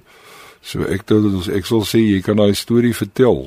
So hulle doen die rehearsals vir hierdie stuk en Dieter Raidler wat op daai stadium waarskynlik een van die mees gesiene regisseurs was en later besluit om sy heil oor see te soek omdat hy min of meer gevoel het en ek ek sit nou nie woorde in sy mond nie maar dit is die urban legend is that we we should just continue here to uh, kind of wallow in our own mediocrity iets soos dit Ja. en hy het dit nie heeltemal verkeerd nie om om op te kom vorm. Maar hy was hy was 'n geweldige progressiewe regisseur op daai stadium van die geveg. Ja. Maar hy het ook 'n hy het ook 'n vreemde aanslag gehad uh, uh, van wat ek Kobus Rousseau het my vertel dat hy redelik militant ook. Hy kon militant wees. Mm. En hulle hulle doen nie die rehearsals maar die laaste toneel is 'n uh, 'n toneel waarin Lou Verwy ehm um, baie vodka moet drink en uh, hulle is by hierdie restaurant of daar's tafels en dan moet hy die hele plek afbreek en hy moet hierdie kom ons sê hierdie berg uit dit uitbou en dan terwyl hy besig is met hierdie helse monoloog Mm. en dan moet hy homself bo op daai berg aan die einde van hierdie monoloog kry. Dit is min of meer hoe ek dit nou weer oor vertel, hoe ek die storie het. Ja. Nou in elk geval, hulle kom nader en nader aan openings aan en Dieter kom nie by daai toneel uit nie. Hy sê net vir Lou, moenie worry nie, moenie worry nie, ek het 'n plan. Ons is op pad. Die lang en die kort van die storie is hy praat min of meer vir Lou om uh om te sê jy gaan daai oomblik gaan jy op die openingsaand gaan Ja. jy dit discover. Ek het nie regtig vir jou regie nie, maar dit is wat gaan gebeur. Jy gaan hierdie plek uitmekaar uit voeter of te kere gaan en dan gaan jy uit hierdie meublement gaan jy vir jou hierdie ramp bou Ja. En dan gaan jy daai speech doen en jy gaan dit in daai oomblik gaan jy dit is waar jy moet gaan, dit is die psychological headspace. Ek weet nou nie wat tussen hulle gesê het nie, is nie, maar dit is min of meer hoe ek die, Ja. die storie het. In elk geval, ek dink dit is seker vir 'n akteur op 'n openingsaand is dit seker een van die mees vrees fees aan Jaanste plekke om om om jouself te bevind. Ja. En ek weet Pieter Fourie, Pieter Fourie is eintlik die ou wat jy moet vra oor hierdie hierdie storie. Ek dink jy moet hom miskien inbring. Hy's ook een van daai geeste wat ons meer moeite moet doen om sy storie te kry. Ja. Maar dat hy ook vir jou, miskien kan hy dit inkleer met detail wat ek nie het nie. Die openingsaand kom en Lou verby is op daai verhoog en hy lewer hy het mense se asems weggeslaan. Ja. Mense kon nie glo wat hulle voor hulle sien nie. En hy het die vermoë uh, gehad. Absoluut uh, verbuisterend Ja. hy reg gekry. Nou, die ongeluk daarmee is because it wasn't set really. Ja. Dit is nie dit lou lou voel net jy weet almal al die akkolades kom in en mense is uh, jy weet hulle praat baie mooi oor Lou se performance en mense they herald it as one of the greats ever jy weet maar Ja. nou moet hy die ding die volgende aand gaan dupliseer Ja. nou kan jy vir jouself dink wat se angs daarmee gepaard gaan want jy ek weet mos nou want ek was al op 'n stage jy baie keer gaan jy in so 'n tipe van 'n autopilot Ja. ding in of nee, dit is verkeerd om te sê, maar jy's so in die oomblik dat jy nie 'n 'n soort van 'n retensie het van wat jy in daai oomblik presies net so aangevang het nie. Jy weet nou moet jy dit gaan dupliseer. Ja. En dit het natuurlik die wêreld se angs by by Lou tuis gebring. Soveel so dat hy homself oortuig het it cannot be repeated. En hy het in sy kar geklim en hy het gery. Ja. En ek dink die die eindbestemming was Sirius of something. En hy het op sy horlosie gekyk. Jy moet onthou dit is voor selfone en al die tipe van goeders. En toe hy daar by 'n uitkykpunt in Sirius kom en oom Lou vertel die storie ook in in Impresario. Ja. Toe hy by toe hy toe hy uh, by 'n punt gekom wat hy geweet het, okay, selfs al draai ek nou terug, Ja. kan ek nie vanaand se se performance maak nie. En Ja. dit is wat hy gedoen het. En natuurlik het hy nie eh, jy weet mense kry nie 'n goeie naam in die bedryf as jy so iets aan jou medespelers en 'n no show. so aan almal maar ek het ek het baie deernis vir sy posisie want ek dink ek weet psigies en andersins waardeur hy moes gaan Ja. en as ek in dieselfde posisie was dan dan dink ek sou ek dieselfde trepidasie gehad het Ja, jy sien maar jy het vir Lou verwy het jy ontmoet ja, op sy dag. Ehm hy was mos altyd as ek dink aan sy rol in belade vir 'n enkeling. Uh die reeks. Maar hy het 'n verskriklike stig mens voorgekom, iemand wat glad nie 'n sin vir humor gehad het nie, maar hy kan so verkeerd wees deur iemand op sy op te probeer opsom uit 'n rol uit in 'n televisiestuk of so, jy weet. Ekskuus, ek het saam met hom, hy maak altyd so ekkoetjie. Ek het saam met oom Lou hierdie Oos-Transvaal getoer met 'n skoolprogram. Ja, Hy en David van der Merwe wat destyds by Witbank ehm um, hulle was by die teater daar gewees en ek dink die stuk se naam was David en Batseba. ja, En dit is in sy kom ons sê sy later jare gewees en ek dink eh, sonder om spottend daarna te verwys, maar ek dink hy het iewers langs die pad die duif gevang. Die die soort van Christelike inhoud daarvan met hom baie belangrik geraak. ja, En ek was op daai toer was ek saam met oom klomp vir ons David van der Merwe oom Lou verwy. Daar was twee Heidi's in die projek, maar ons het so deur die Oos-Transvaal getoer. mhm, Lekker soos Amersfoort het ons die die die show opgesit en 'n uh, ander 'n kinderstuk uh, ek kan nie onthou wat is die kinderstuk se naam nie. Een resou het dit mhm, alles bymekaar gesit. ja, Maar ja, so jy weet dis dis die dinge die kom ons sê nou maar vir braaivleisvure en so is is dit die dinge wat vir my van waarde is. Ek kan sê ek het saam met Lou verwy was ek op toer gewees. Ja. ja, ja. Nee, Jessie, dis om dis om Maar hy groot hy dan. speels. Ek het ek het hom glad nie as stig ervaar nie. Ek het hom as baie 'n vreemde man, vreemde man, maar ek het hom half as speels het ek hom gelees. Maar ek was bitter jonk op daai stadium. Ek dink ek was maar 19 of 18. Ja, ja. Soos dit. Kyk, 'n ander vrou wat natuurlik uh ek dink sy kon basies 'n kloof kyk deur 'n berg was Bobs Lyker en in die rolle wat sy altyd Nooit gespeel het. Ja. ja, maar sy sy was ook hierdie sy het ook voorgekom as hierdie verskriklike morbiede. Maar dit was miskien ook maar 'n rolle. Kyk, sy het sy het ook in belade vir 'n enkeling was sy basies 'n uh, louse vrou gewees. So uh, ja, maar dit is ja, dis interessant hierdie mense soos jy sê, jy weet daar is stories wat 'n ou om 'n braaivleisvuur kan vertel tot diep in die vroeë oggend. Maar ek dink ons gaan gou nog 'n breek vat en dan kom ons terug vir die laaste gedeelte. Dan gaan ons gou 'n bietjie gesels oor Amerika. Ek wil hê jy moet vir my 'n bietjie jou ondervindinge daar in Amerika gee. Maar ek gaan hierdie ene, hy kom ook uit die uh Orion uh, klankbaan uit. Is 'n sang van uh, Jan Blom. En hy maak so hierdie ene groen trui. my gang, hè?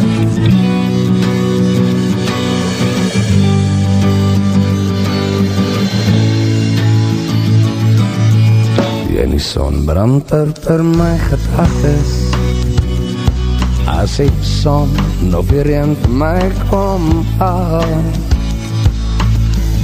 Jy sê was is daar liefde Iewers wat tyd vir jou kom aan. Blyf naam by my Ek het dit zeer gekry Sinds jy lyk weer my groen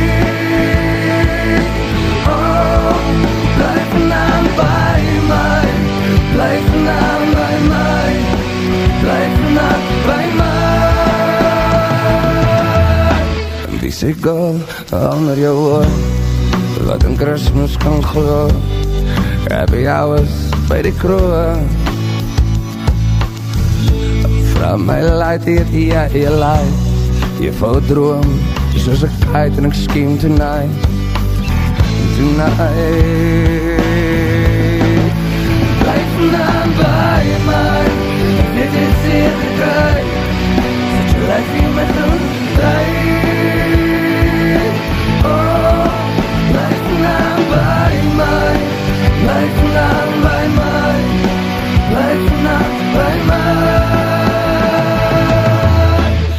my Maak my siek en maak my blind.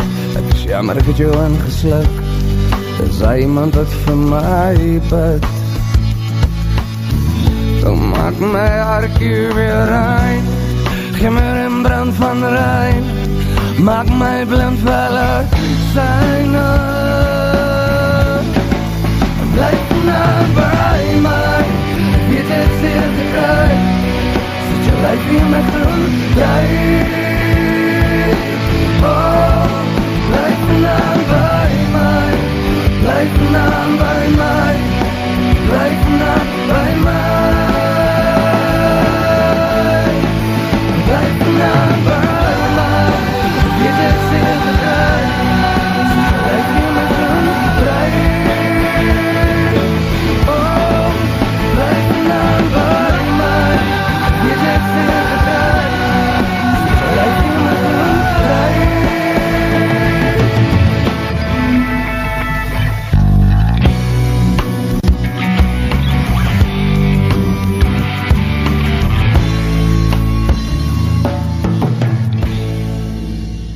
Neil, ek wil net weer eens jou baie baie dankie sê dat jy bereidwillig is om met my te praat hier op hoor.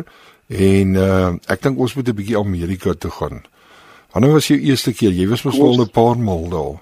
Ja, die eerste keer was ehm um, 1990 gewees uh, en ek dink dit was hoeka waaroor ons vroeër gepraat het was die One Child One World Congress wat ek gaan cover het daarso. Ja, ja. So dit was die eerste happy en dit was New York gewees, jy weet die die Waldorf Astoria het nog bestaan, die Twin Towers het nog bestaan Mm, mm. en ek was 'n laaitie gewees uh nog op skool en daar sit ek in die Big Apple op die op uh, Lexington en 45th. Dit was die klein in waar ons was. Ja. So dit het dit het my die eerste smaakie gegee. Na skool toe al my meeste van my chomme, kyk daar was maar twee keuses of jy gaan swat of jy's uh in die mag in militêr Ja. En daar het 'n ou na ons skool toe gekom, Elwie Sachs ek dink, 'n apteker daar van Krugersdorp en hy het met ons kom praat oor die Rotariërs se uitruil student skema. Ja. Nou dit is vir my iets wat my geweldig na in die hart lê. Ek dink dit is een van die programme in die wêreld wat ek ek wens ons kan ons samelewings tot op so 'n punt kry waar ons ons kinders kan grootmaak dat hulle op daai wanneer hulle in elk geval die huis moet verlaat Ja. van so aard is dat jy hulle met gemak na 'n ander land toe kan stuur om te gaan optree as 'n ambassadeur vir jou eie land en jou kultuur, jou mense, jou familie. Mhm. En dan die ander gedeelte daarvan is hulle moet assimileer daar. So dit is 'n jaar uitruil skema waar jy nou gaan jy, jy gaan nog steeds skool, jy jy moet hulle vakke neem, jy moet hier kom, jy moet goed doen. Mhm. Uh maar jy kry die geleentheid om te assimileer in daai kultuur. Jy eet wat hulle eet, jy trek aan wat hulle aantrek, jy luister hulle musiek. Ja. Um jy het gesprekke met die mense. En daai het my wêreld so geweldig oopgemaak daai jaar na skool as 'n uitruil student. Ja. En toe natuurlik teruggekom, geswat en toe na my swattings het ek weer Amerika toe gegaan en toe ek ek het rugby gespeel. Ja. Ek het 'n spannetjie gevat van Fresno, Kalifornië af en ons het ons het toe ons ons weer kon kry. Kyk, ons dit is Suid-Afrikaanse ouens ken ons nou, maar ons rugby. Ja. So, ek het so half 'n bietjie as 'n afrigter opgetree Ja. en Spanbestuurder alhoewel self goed. kry toe speel ons in die in die Nationals in Pennsylvania in Conshohocken. Wow. En ja, dis nog ek dink daar moet beeldmateriaal daarvan wees op ESPN somewhere want hulle die, die te, televisie het dit gedek. Ja. En ons wen toe vir St. Louis en ons wen ons wen vir Armback wat van San Diego af is. Ons het paar spanne moes speel en toe ons ons weer kon kry is ons in die finals. In die Yes. Tongan Yankees. Hulle is almal van Tonga af. Maar kom Ja. ons ons kom ons sê nou maar net 'n ding soos wat die ding is. Hulle het vir ons 'n goeie losing gegee, Ja. maar ons was daarmee in die final. Wow. So dit was nog 'n bietjie Amerika geweest. Dit was nou na my swattings geweest. Toe het ek teruggekom Suid-Afrika toe en uh jy weet redigering, regie, toneelspel, teater, paar reekse gedoen, klomp reekse gedoen. Ja. Um by Sewende Laan betrokke geraak, maar ek het ek het soort van I got wind of the fact um really early uh, dat jy weet ek dink as iets so Sewende Laan vir my gebeur het baie later in my lewe Ja. kom ek sê jy weet dan sou dit wonderlik gewees het om daai sekuriteit te hê. Jy weet daar's 'n bestand jy kan 'n bestendige bestaan voer daar Hmm. binne. Maar ek was baie jonk geweest en ek het gevoel ek het nog gen, genoeg energie in my om regtig te gaan kyk wat oor die water se aangaan.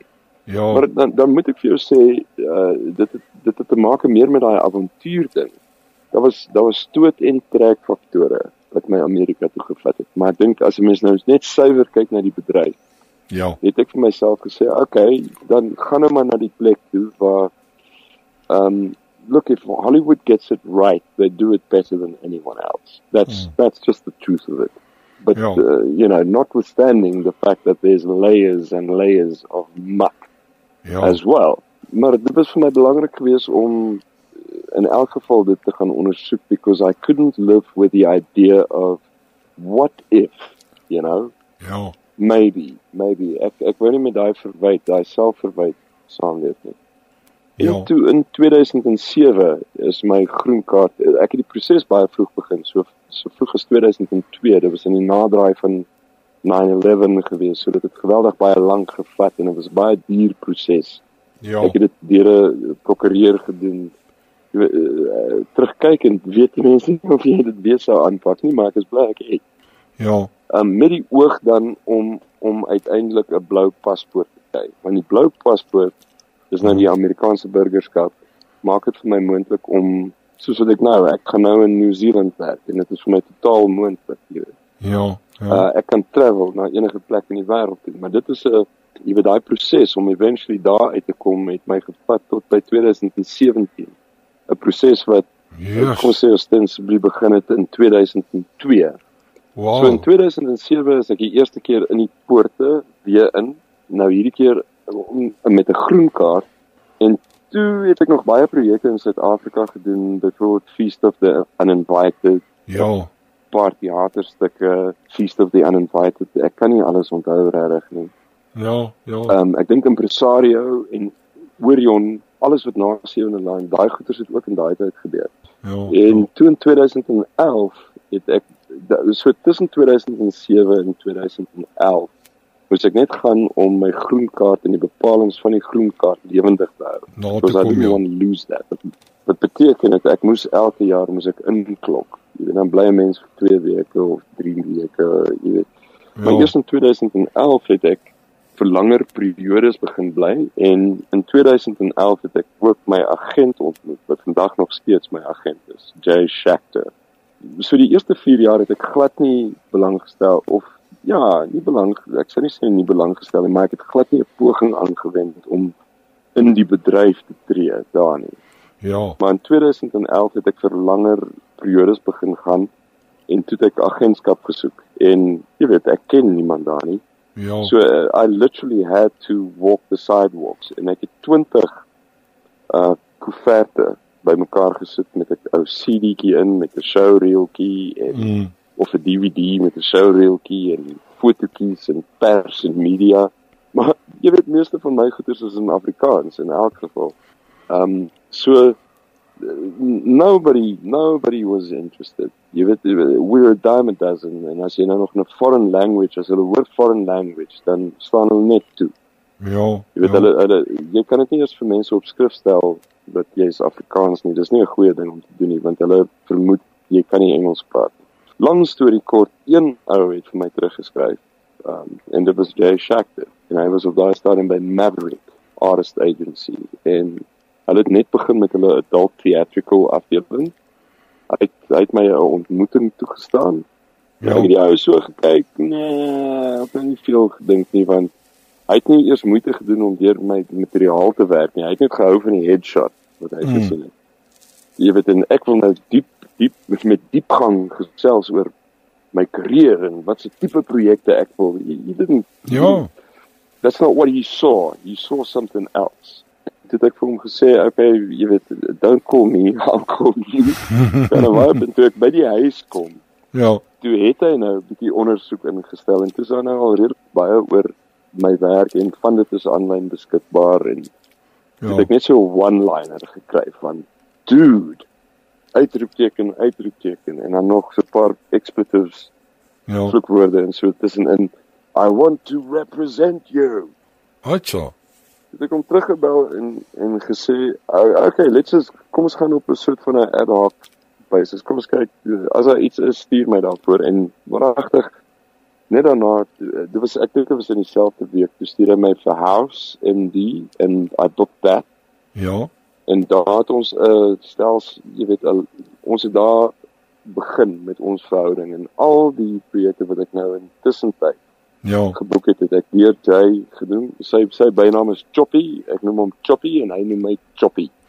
Ah, jy sien. So En- dit het gewerk aan die einde van die dag want toe jy daai eerste rol, ek het ek het 'n Americans gekyk en uh, maar ek het dit ek het dit alles gedownload. Ek het dit nie gekyk terwyl dit live was op TV nie. Ek het dit gedownload die reekse want ek het gehou van die storie oor hierdie sleepers, jy weet hierdie KGB agents in Amerika en tot my verbasing eendag daar sit Neil Sandilands en daai rol natuurlik het die ouens geskok. Ek dink jou van was Botha in die in die ene. En ehm uh, hulle het jy maar so Ja. half en half geneklis ja. eintlik. Ja, ek ek ek wil nog een of ander tyd as die tyd reg is, wil ek nog daai klip sommer net uitgooi want dit is 'n geweldige brutale horrifying. Dit is ja, dit is nee. Hulle- Maar, Hulle ja. hulle sit die hulle hulle necklace hom. Hulle ja, hulle sit ja. 'n tyre om hom en hulle steek hom aan die brand. Ja. Toe het jy natuurlik in Happen Leonard ook gespeel wat 'n Sundance uh, reeks was. En toe kom die groot en natuurlik Titus in in in The 100. Happen Leonard staan seker vir my uit is een van die lekkerste reekse waarna ek ooit gewerk het. Ja. En ek gaan nou weer saam met Jim Mickle werk. Hy was die direkteur daarop geweest. Ja. Dit is gebaseer op Joe R. Lansdale se se novels wat hmm. gaan oor die twee karakters Hap en Leonard. Ja. En om dit net vir te kontekstualiseer, ek het op daai stadium het ek 40 geword al. Aha. en ek het ingevlieg New Orleans toe. Jy weet jy moet maar so sirkus op jou eie wees. En uh, New Orleans was het my net aangegryp. Van die oomblik wat ek daar op die vliegtuig afgeklim het, die humidity wat jou so teen die bors slaan. Ja. Dis natuurlik die geboorteplek van jazz en big brass, ja, die Blues second en- line ja. en kontrykkos, crawfish, jy weet, Mm, mm in die swampy atmosfeer. Ek, baie mense soos Tennessee Williams, um uh, uh Bukowski selfs, uh, Bob Dylan het uh, Ja. tyd was hy in New Orleans. Ek dink baie mense het 'n bekoring met die betrokke plek. Ja. So dit was my eerste regte Happen Leonard was my eerste soos wat dit uh, sê series regular. Ehm um, wat ek geboek het in Amerika. Uh dit is as mens kyk daarna as 'n opwaarts traject dan sou mens sê jy's miskien jy begin 'n reeks as 'n kom ons sê net 'n one-liner of 'n two-liner en, en dan Ja. werk jy self op na 'n co-star toe en dan raak jy miskien 'n recurring guest. Ja. Maar as jy dan 'n series regular is, dit is eh, kom ons sê nou maar daar is 'n geïmpliseerde opwaartse trajeksie dan of traject dan dan sou dit die die grootste wees tot op daai stadium wat ek gedoen het. Mm, mm, mm. En um ek het daar het ek die voorreg gehad om met James Purefoy en Michael Williams, Christina ja. Hendricks, Jimmy Simpson, um Bill Sage. Hulle is almal gevestigde uh, erkende spelers in Amerika. Jy weet so ewe skielik het ek my in 'n kom ons sê 'n uh, meer 'n hoër rangorde gevind. Gesiene geselskap. Uh, so ja, dit was dit, dit was vir my maar net lekker reeks om te doen en dit was 'n dit het 'n baie familiale tipe van gevoel gehad. Jy weet ons het letterlik in die aande na die tyd sou ons saam braai en kuier en nonsens praat en dit het daai tipe van familiale gevoel gehad wat ek die laaste wat ek dit gehad het dink ek was op Konings. Ja. Nee, eintlik meester. Want ons het almal saam gebly in die Park Hotel in Bethlehem. Ja. So dit het 'n leeftyd gevat om weer daai tipe van gevoel te kry. En tereg daarna het ek The 100 gedoen um, vir Warner Brothers in Vancouver. Dit was my eerste uh, my my eerste samewerking met met the CW channel. Ja. En daar het ek 'n uh, series hy was nie nee, was hy was recurring guest geweest, maar dit was 'n groot aak geweest wat hulle gedoen het. En ek het sewe episode vir hulle op The 100 gedoen met 'n Ja. amazing karakter, die die die Flame Keppa. Hy Ja. is soort van hy hy is die kom ons sê die die the keeper of the mythological wisdom of the grounded people. Jo. Ja, en Canada natuurlik is 'n is 'n amazing experience. En het ek nou later daarna weer uh, saam met hulle uh, gewerk in The Flash. En Ja. het ek die eerste keer 'n uh, 'n uh, um, uh, season season villain gespeel wat jy die hele die hele seisoen word geskryf of geskep rondom die feite tussen Flash en in hierdie geval Clifford DeVoe of The Thinker. En uh, ja, ek sou sê dit was dit was tot op hede was dit die grootste werk wat ek gedoen het en dan nou gaan ek New Zealand toe om nie vir die CW nie maar vir Warner Brothers en net Ja. ja. vir hulle 'n reeks te gaan maak. Ja, dit is it's very early days en ons is nou by in met COVID, jy weet wat natuurlik 'n nuwe ding is waarvoor ek baie bly is. Ja. Jy weet dat dit met 'n mens in jou lewenstyd kan gebeur dat jy so uh hoe kom hoe kan jy so uh, 'n ding kan deurleef of deur dit gaan wat op soveel levels van van bestaan. Ja. Um kom ons sê die it's ruffled the feathers a little bit. Ja. Ja. So van 'n narrative point of view af uh, is ek baie bly COVID het gebeur, jy weet. Yes. Yes. Maar uh, so dit het nou alles gebeur ten tye van COVID. Mm. Mm. en um, dit is nou bevestig dit is jy, dit, dit is gepubliseer op Deadline en IMDb so die reeks gaan voort en ons het dit alles reg gekry onder COVID omstandighede en hy word geskiet in New Zealand so uh, ons sal sien ek ek is nie seker wat my of my kom ons sê die dit kan bepalend wees vir 'n goeie aantal jare. Ja. Ehm um, of dit kan miskien net 'n enkele seisoen wees. Ek ek ek kan nie op hierdie stadium vir daai inligting. Ja, ja. Maar kyk, kom ons gesels met uh, musiek. Kom ons beweeg bietjie weg van die al Musiek, kom ons 'n bietjie musiek. Ja, jy hou ook van musiek uh maak, maar dit lyk vir my jy kom nie altyd daarby uit nie. Jy, jy het nou onlangs het jy jou nuutste uh ek noem dit 'n skepping want as enige van die luisteraars hierdie sang luister en hulle kyk spesifiek die video, dan mag dit die eerste maal dalk 'n bietjie vreemd voorkom. Maar dit is 'n baie baie interessante stuk werk en ek sien jy dit hier naby my, seker nie eens 20 km van my huis af het jy dit geskiet in Beinsloof nie. En uh die goue graal. Dis die storie van Dot en wie nog?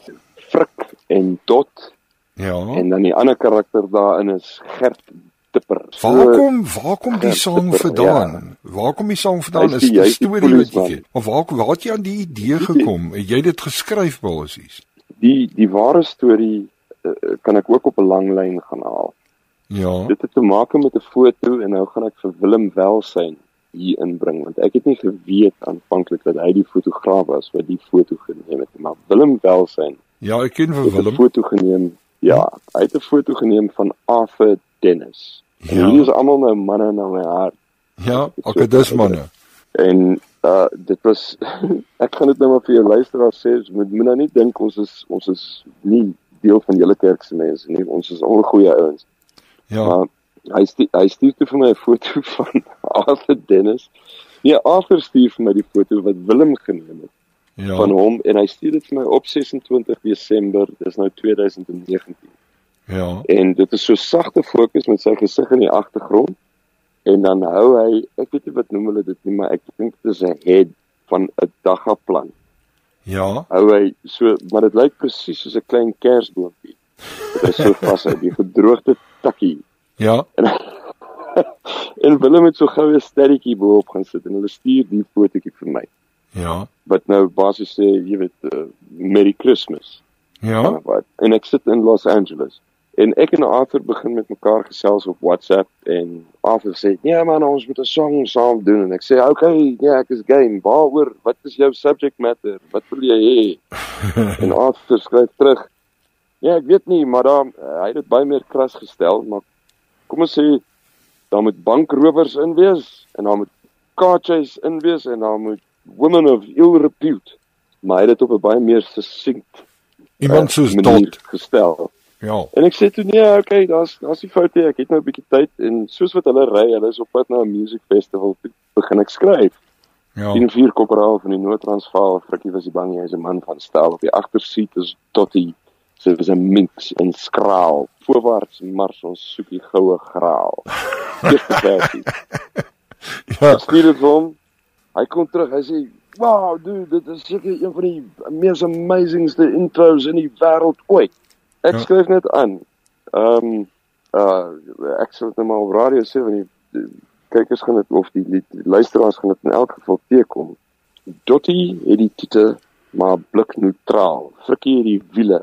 Hy onthou haar kaal. Gisterand by die stripklub om my blink blink paal toe sê ontboesem oor die bose en die goue graal. Volgende vers. Stuur dit af. Arthur skryf terug, my kwets man, jy gaan die hele sang klaar geskryf hê voordat ons stop. Ja. Wat toe inderdaad die geval is. Hulle het kontak met my verloor, maar toe toe hulle aan die ander kant stop van die festival waar hulle nou moes gaan speel, het ek die hele sang geskryf and it really came to me just in one sitting. En Yes. Ek het dit in in die in die in die tyd of op daai tyd toe ek dit geskryf het, het ek natuurlik nie eh, aan al hierdie goeters gedink nie. Dit is nou maar eers later van tyd wat mense agterkom oor my goeiste my hierdie ding het sulke leiers, jy weet jy praat hier van argetipes. Ja. En ek kan nie vir jou sê dat ek dit met 'n doelbewustheid uh geskep het nie. Ek ek tot vandag toe maintain ek ek was net die transformative agent gewees vir 'n idee wat in die ether gelê het en ek was net I was tapped in to the matrix at that point in time and it came out in one go. En dit alles as gevolg van 'n foto natuurlik- van Willem Welsyn en wat Arthur gevra het. Dis korrek. En ek wou eintlik my my gedagte daaraan was dat dat ehm um, Arthur en Rudy Dennis, die jy weet ek het dit nou geskryf vir hulle as hulle belang gestel het daarin gaan doen die ding. Toe sien ek hulle toe ek nou in Suid-Afrika aankom, toe sien ek hulle by Anton Goosen se se verjaarsdag. Ja. En ek vra toe nou maar net so vir hulle, hoorie so wat daai goue graal tune het, hulle iets daarmee gedoen en natuurlik het hulle nou nog niks daarmee gedoen nie. En toe stuur ek dit vir Valiant en ek het tot vandag toe niks teruggehoor van Valiant nie. Ja. En toe gebeur lockdown, grendeltyd. Ja. Toe gaan kyk ek weer daarna en ek Rico Latti het vir my so 'n nylon gitaartjie gegee en ek het saam met ek het my op die gitaartjie gesit en gekomponeer. En toe ek nou comfortable is dat ek dit nou so half as 'n party trick Ja. kan vir mense aanbied. Toe maak ek 'n recording daarvan en ek stuur dit vir 'n paar mense en toe is die terugvoering so verstommend. Ja. Like what the hell is this? Ja. Toe begin ek gedagtes kry nou maar hoekom hoekom gaan rekord ek dit self? En ek het toe gereël om oor die grens te kom uit Garries uit en ek het gaan rekord by Theo Krause by Bellville Studios. Ek het 'n uh, ou chom saam met wie ek breinskade gedoen het, Marius Brouwer Ja. hom aan boord gekry om die musikale regisseur te wees en kom ek sê nou vir jou ek kon nie my geluk glo nie want musikante saam met wie ek baie graag wil bewerk en wat ek 'n geweldige waardering en respek vir het Ja. onder andere Kevin Kevin Gibson speel dromme daarop Skalkie Bear speel die double bass daarop Ja. Albert Frost speel die uh, al die gitare daarop Wow. 'n 'n groot find is 'n dame met die naam Landy Lou wat vir my die banjo gespeel het en ehm um, wie mis ek nou? Lee Thompson wat die trompet gespeel het. Ek wil nou net gevra het ja, in die begin is dit Eh. mos daai trompet gedeelte en dan En dit was 'n 'n soort van 'n samevlansing van toe ek nou in New Orleans was en ek is baie blootgestel aan Americana ja. en hulle musikale aanbod en hulle instrumentasie. Dit was vir my ek so ek het so 'n bietjie van daai klanke en natuurlik die die trompet maak 'n baie groot deel uit van die kom ons sê dan die Meksikaanse, Hispanic, um, Central American Ja. musiek waaraan ek baie blootgestel is in Los Angeles. Ja. So ek het die trompet en die banjo of banjo, hoor nou vir my, het ek verweef in 'n Afrikaanse aanbod. En so ek dink ek dink hy klink 'n bietjie vreemd uh, as mense nie gewoond daaraan is nie Ja. op die oor, maar as jy as jy jouself net toelaat om daarmee te gaan, dan moet jy vir jouself sê but it works. Ja. Dit werk. Ja, toe Albert Frost gesê, "Wat is dit hierdie ding het 'n music video nodig." En toe dink ek, okay, nou gaan ek 'n music video maak met al die musikante en jy weet miskien iets by Baines Kloof doen. En ek kry toe vir Milies, uh, Amelia Henning Ja. en vir Chris laat te gaan op Steadicam en toe begin ek net die logistieke daarvan in gedagte. Jy weet nou moet jy die polisie betrokke kry en jy moet Beinskloof met jy afkordon en jy moet Mm, mm, location fees betaal. En die ouens wil hê ons moet insurances op die equipment uitneem. En toe dog ek nee man, bogger dit. Ek kry my sussie en ek en sy ry op Beinskloof toe en ek sê vir haar dis min of meer wat ek in gedagte het. Kom ons kyk net of dit werk. Ja. En hierdie is true story. Ek het daai tyd. En ek en my sussie klim uit die kar uit en ek sê vir hom min of meer tot daan en die sang dan draai ek om en kom ons kyk net of dit werk. En daai tyd het ek ek gaan hom later op YouTube beskikbaar stel, maar daai is nie 'n enkele edit in daai tyd nie en dit is 7 minute 33 sekondes en dit holds. Ja. Maar toe wil ek natuurlik net die elemente, ek wil hom so bietjie stileer. Jy weet net oordentlike kom ons sê nou nou maar kleertjies aantrek en 'n regte Mustang in die storie hê. Het ek met 'n ou daar van die Parel Pieter Swanepoel dink ek. Ja. Hy het vir my die Mustang geleen en toe ek en my sussie uitgegaan so 'n paar dae daarna, vroeg die oggend. En ons het 3 takes gedoen en uh, want ons kon nie langer skiet nie want die son het uitgekom. So ons het daai lekker mis in die oggend gehad Ja. in Beinskloof en toe het dit aan mekaar gesny en barabing baraboom daarso is so bestaan hy nou vandag in die wêreld en ek Yes. dink hy in 'n maand het hy ek, ek weet nie hoe dit is vir Afrikaanse musiek nie want ek weet dit is bietjie averegs en ons het nie regtig eh, groot media baie progressief gehad met die ding nie maar eh, hierdie hierdie projek was vir my dit was net van begin tot einde was dit net vir my lekker gewees om te doen. Ek het dit nie gedoen met enige intensie nie. Uh jy weet ek wil myself nie noodwendig vestig as 'n as ek hou van musiek my lewe lank al soos wat ek vir jou gesê het uh, my skooling het gekom met David Kramer en Anton Goosen. Ja. Ek dink nie aan myself regtig as 'n baie bekwame vocalist nie. Ek ek ek het besliste parameters waarbinne ek kan werk. Ek kan daai brom ding kan ek doen. Ja. Maar dit was vir my lekker geweest om weet om te skryf, om dit te te komponeer en mense se se reaksie daartoe was vir my so uitstekend geweest of lekker lekker geweest. En hulle het gevra, ja, maar hulle soek meer van fricking dot en um, miskien gaan ek jy weet 'n hele reeks songs maak wat wat in daai wyn is. Want Ja. jy weet jy kan al daai daai verhale, daai narratiewe kan jy uitbou. Waar kom Frik vandaan en waar kom Dot vandaan en waar kom Gert Dipper vandaan? Ja. Wyn's Kloof self het natuurlik 'n storie om te vertel. Ja. En dan jy natuurlik die die die kom ons sê die metafisiese kragte daarbo, die duiwel en dan God wat hierdie hele ding aanskou. Ja. So daar's baie te sê daarvoor om miskien nog werk. eh, Ek dink dis dis regtig ryk. Mense kan baie uit dit uit en daar's miskien is daar iets te sê daarvoor. Maar eh, jy weet miskien is daar iets te sê vir ek moet net op my jack gaan sit en myself forceer om te om te skryf, maar in hierdie geval was dit bloot net 'n 'n toevalligheid en dit het lekker uitgewerk wat there was no agenda with it.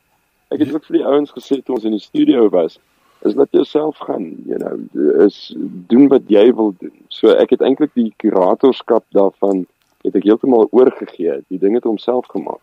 In die in die naderdraai daarvan het ek agtergekom, o, goeieste, maar hier's hier's leiers in die in die teks wat ek nie in gedagte gehou het toe ek dit geskryf het nie. En en die soort van filosofiese en metafisiese waarde daarvan is iets wat ek eers in nabetragting Ja. um, miskien kon verbalize. Maar you know, it, it it is about the ultimate philosophical question, which Ja. is suicide. Maar as jy kyk na die storie wat jy vertel in die goue grol en ek en jy het almal geleentheid gehad om so een keer om 'n vuur te sit en buitekant 'n teater te staan gesels en so meer. Jy's iemand wat jouself uitleef in jou eie unieke self en die goue grol spreek absoluut boekdele op uh, iets soos dit, jy weet, en dit lyk vir my vriendskappe en verhoudinge blyk ook vir jou 'n baie belangrike ding te wees. Ek ek het, ja, Jy's 'n ek- mense ek hoop my mens. vriende kan dit om omtrent my verstaan. Maar ek het nog altyd swaar gesluk aan daai ding van dat 'n mens uh ek kan nie uh, ek kan nie verhoudings met mense uh wat bepalende rolle in my lewe gespeel het. Jy weet 'n vriend. As as ek as ek jou eers in die ingelaat het en jy is my vriend Mm. en ek kan dit vir myself sê en ek kan dit vir jou sê, dan is daai ding uh, uh, hy gaan tot dit totdat ek nou my oë toemaak. Mm. Jy weet, dan gaan daai ding met my saam. Dit beteken nie dat ons altyd om dieselfde vuur gaan sit nie. Ons gaan dinge verskillend sien. Ja. Maar ek gaan altyd met jou woeker. Ek gaan jou katazza. En ek verwag eintlik so half dieselfde met jou, jy weet, om my eh, want my belewenis, my definisie van self Mm. is informed by the people around me. Jy weet. Ja. So dit is vir my 'n geweldige belangrike ding. Ek ek kan amper nie aan myself dink as dit nie is vir die vir die mense om jy weet daar's eintlik baie van die Ubuntu fi- filosofie is in dit in verweef. But that makes complete sense to me because I'm an African. I'm I'm an African with Celtic roots. Mm. mm. So ek is baie clan oriented, jy weet ek ek ja, Die klein is die klein. dinge as jy weet dit begin by die mense om jou. Ja. Onmiddellik om jou. Eh, Jy jou jou noue familie uh en dan kring dit weier uit en ek dink ek was net voorreg gewees in this lifetime to have parameters that you know spans the globe. Mm. Mm. Ek het, ek het, ek was nou Desember was ek by Rod en Susan Anderson in Cayucas op die Kaliforniese kus en Rod Anderson was daai jaar toe ek 'n uitrolstudent was, was hy my counselor. He's 89 Ja. now. En ons ons daai daai verhoudings hou ons nog steeds aan die gang. Hmm. Dit is my geweldige waarde. So as jy eenmal 'n vriend is van jou, dan gaan hulle jou nie maklik afskud nie. ja, jammer om te hoor, so julle. Suits. Och, nog slegte nuus. Ja. My, jy weet. Ja. My my ouma net die het 97 geword. My oupa wat ons hierdie jaar gegroet het, hy het 91 geword. Ja. Daar was 'n ouma Botha wat 101 in die familie wat 101 behaal het. Jeez. so die the the moral of the story is wees maar eerder nou nice met my. Ja. ek sien nog lank op krap.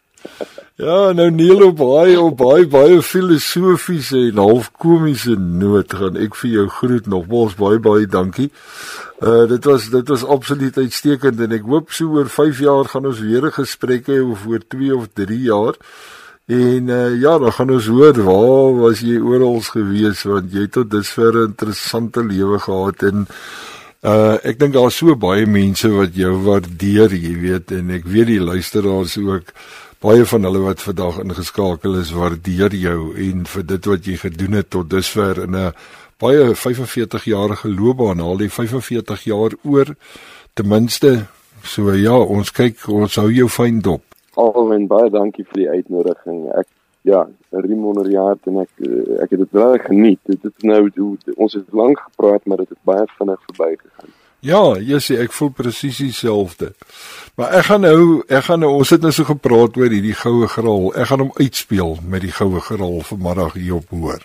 Uh, dit sal 'n groot voorreg wees en ek hoop die mense geniet dit en gaan ja, klik like of doen iets deel dit Ja, daai een is gemaak om gedeel te word, ver en wyd. Ver en wyd. Actually, hey, Bob Dylan moet dit iewers in Amerika moet hy dit ook op YouTube kyk voordat ou Phileas een van die twee van ons kom haal. ek glo Bob sal en hy sal beïndruk wees. ja, nou toe, ons gesels weer. Dankie Alwyn, ek groet jou. En so kom ons aan die einde van nog 'n program uh, van Hoor. Daai my gesprek met Neil Sandilands, akteur en ook 'n groot impresario. Nou ja, ek sien vir jou volgende Sondag selfde plek, selfde tyd en ek speel met hierdie enetjie uit van Neil Sandilands, daai sang waaroor ons so gesels het. En hierdie ene, die goue graal. Bye bye.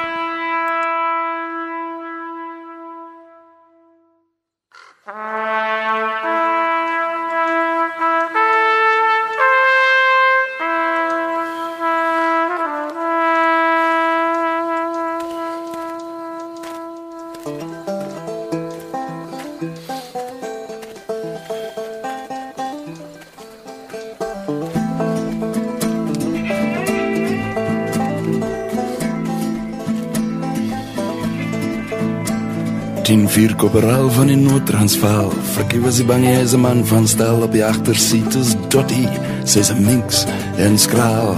Voorwaarts mars ons sukkie, goeie graal. Dottie het die tita, maar blik neutraal. Frikkie het die wiele, hy onthou haar kaal. Gestrand by die stripklub om my blink blink paal toe sê on bosemori bose en die goue graal. Kom sit die by die vuur dat ons plan beraam oor 'n visie vir die toekoms en die kunse naam. Wat wel wil ek nie bly nie, ek te fucking skaam. Frikkie vryf sy nine slip droog beaam. As een afdraai op die highway Die duis bestem het so Waar jy net met jouself Strijs woord flikken dood geglo Maar as jy vet gee en boe bly Sal die gore dit bepaal. Hey, die one time shot Kry op die goeie graag. Gert Dipper is een blok Hy het een badge, hy is een poot. Maar lang al starig jag op elke skurk en idioot Verflik soek hy al jare nog net gehoor van sy vernoot. Die minks met die tita en reputatie in die moot. Hy was toevallig op by highway toe hy hoor van die roof. En die Mustang daar verby seilt in 'n spoed wat verdoof. 18 kilometers met sweet op sy hoof. Trap Gert hy leper plat in 'n chase in Benskloof Op sy troon sit die duivel En vingers tik hy was Hy die roof van die duis voorspel is gespat deur sy grenslag God self is bedreven boor die berge winkielig Hoe sal die jag toch uitspeel as a western of as klug? Spoed die klappie dier voor kort en dipper gelop hy voort. Real estate het hier geword vir Frikkie en sy dood Die afdraai seil slap nader Dipperig sy lood. Trompet geskal en wolwe heel die roep van die ondergrond As Chucky toe skim dipper Was sulke outlaws word. Die gryp haar borste Bloed sy pleit haar mond. Frikkie skreet in jemelaar Of is beslisse ding. Hoe durf jy oordeel vel Oor die vrou wat ek bemin? Frikken dipper strijd die strijd En die Mustang jaag steeds moord. Verkrippie na eenmaal stever En betwijfel Godse woord Dottie blaas asem uit in 'n verblindende lig. As dit is hoe die duis rol as afval fout met moed. Op by afdraai gooi verkant prik in die Mustang so verlam. En dipper kom van voor af kop aan kop sy oor verstom. Frik so gerig met dipper in sy versier. Vandag skiet ek jou moord toe, vandag frik jy soos 'n dier. In ein mil kloppen slow-mo En die hele stop verstar Loop travel door die ruimte Tussen man en kar. Eienes gevul gekker En die duivel praise my love. To die Lord Gertse kop tent en jemmeloon Het was stil stil op by highway. Dit was asof alles wag. En Fikkie en sy siet omdraai En weer het is nou nacht Sy dat die Lena leveloos Gestrand was hy nog kaal. Nou sit hy met sy tot die lijken in die boot Die gouwe graai Was die afdraai ooit die moeite werd. Hoe kan een mens bepaal Word die mythe of legende? Of kies jy gouwe graal? God weet die duivel kroek Hy is een adder idioot So hy net een halve kans kry En slaat hy daar in nood Frik weet hy moet nou koers kry Gouwe graal of helde dood Want tot is aan die ander kant. En God weet soort soek soort Hy sal outlaw bly vir altyd Das bestem dis hoe dit word Hy lig in een my mond En slik sy lood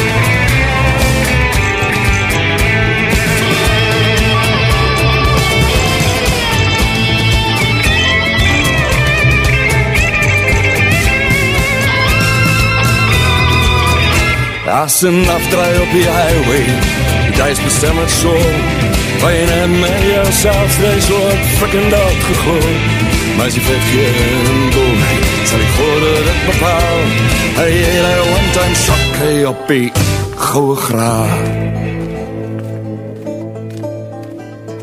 Sometimes op die highway I bet I have dry sign Kan my scooters in die nacht hoor. Soos een Mustang of een kraai. Soms kan mense kind hoor in 'n baie vreemde taal. Al sê dit tot 'n vrugse kind met 'n nynmal op linker en op regs. Die goue geraal.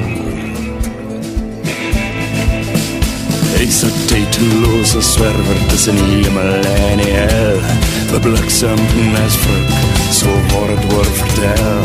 Hy sê masalatjes tita, sal baie rat bam. As jy fyn fyn luister. Wat Willem is my naam.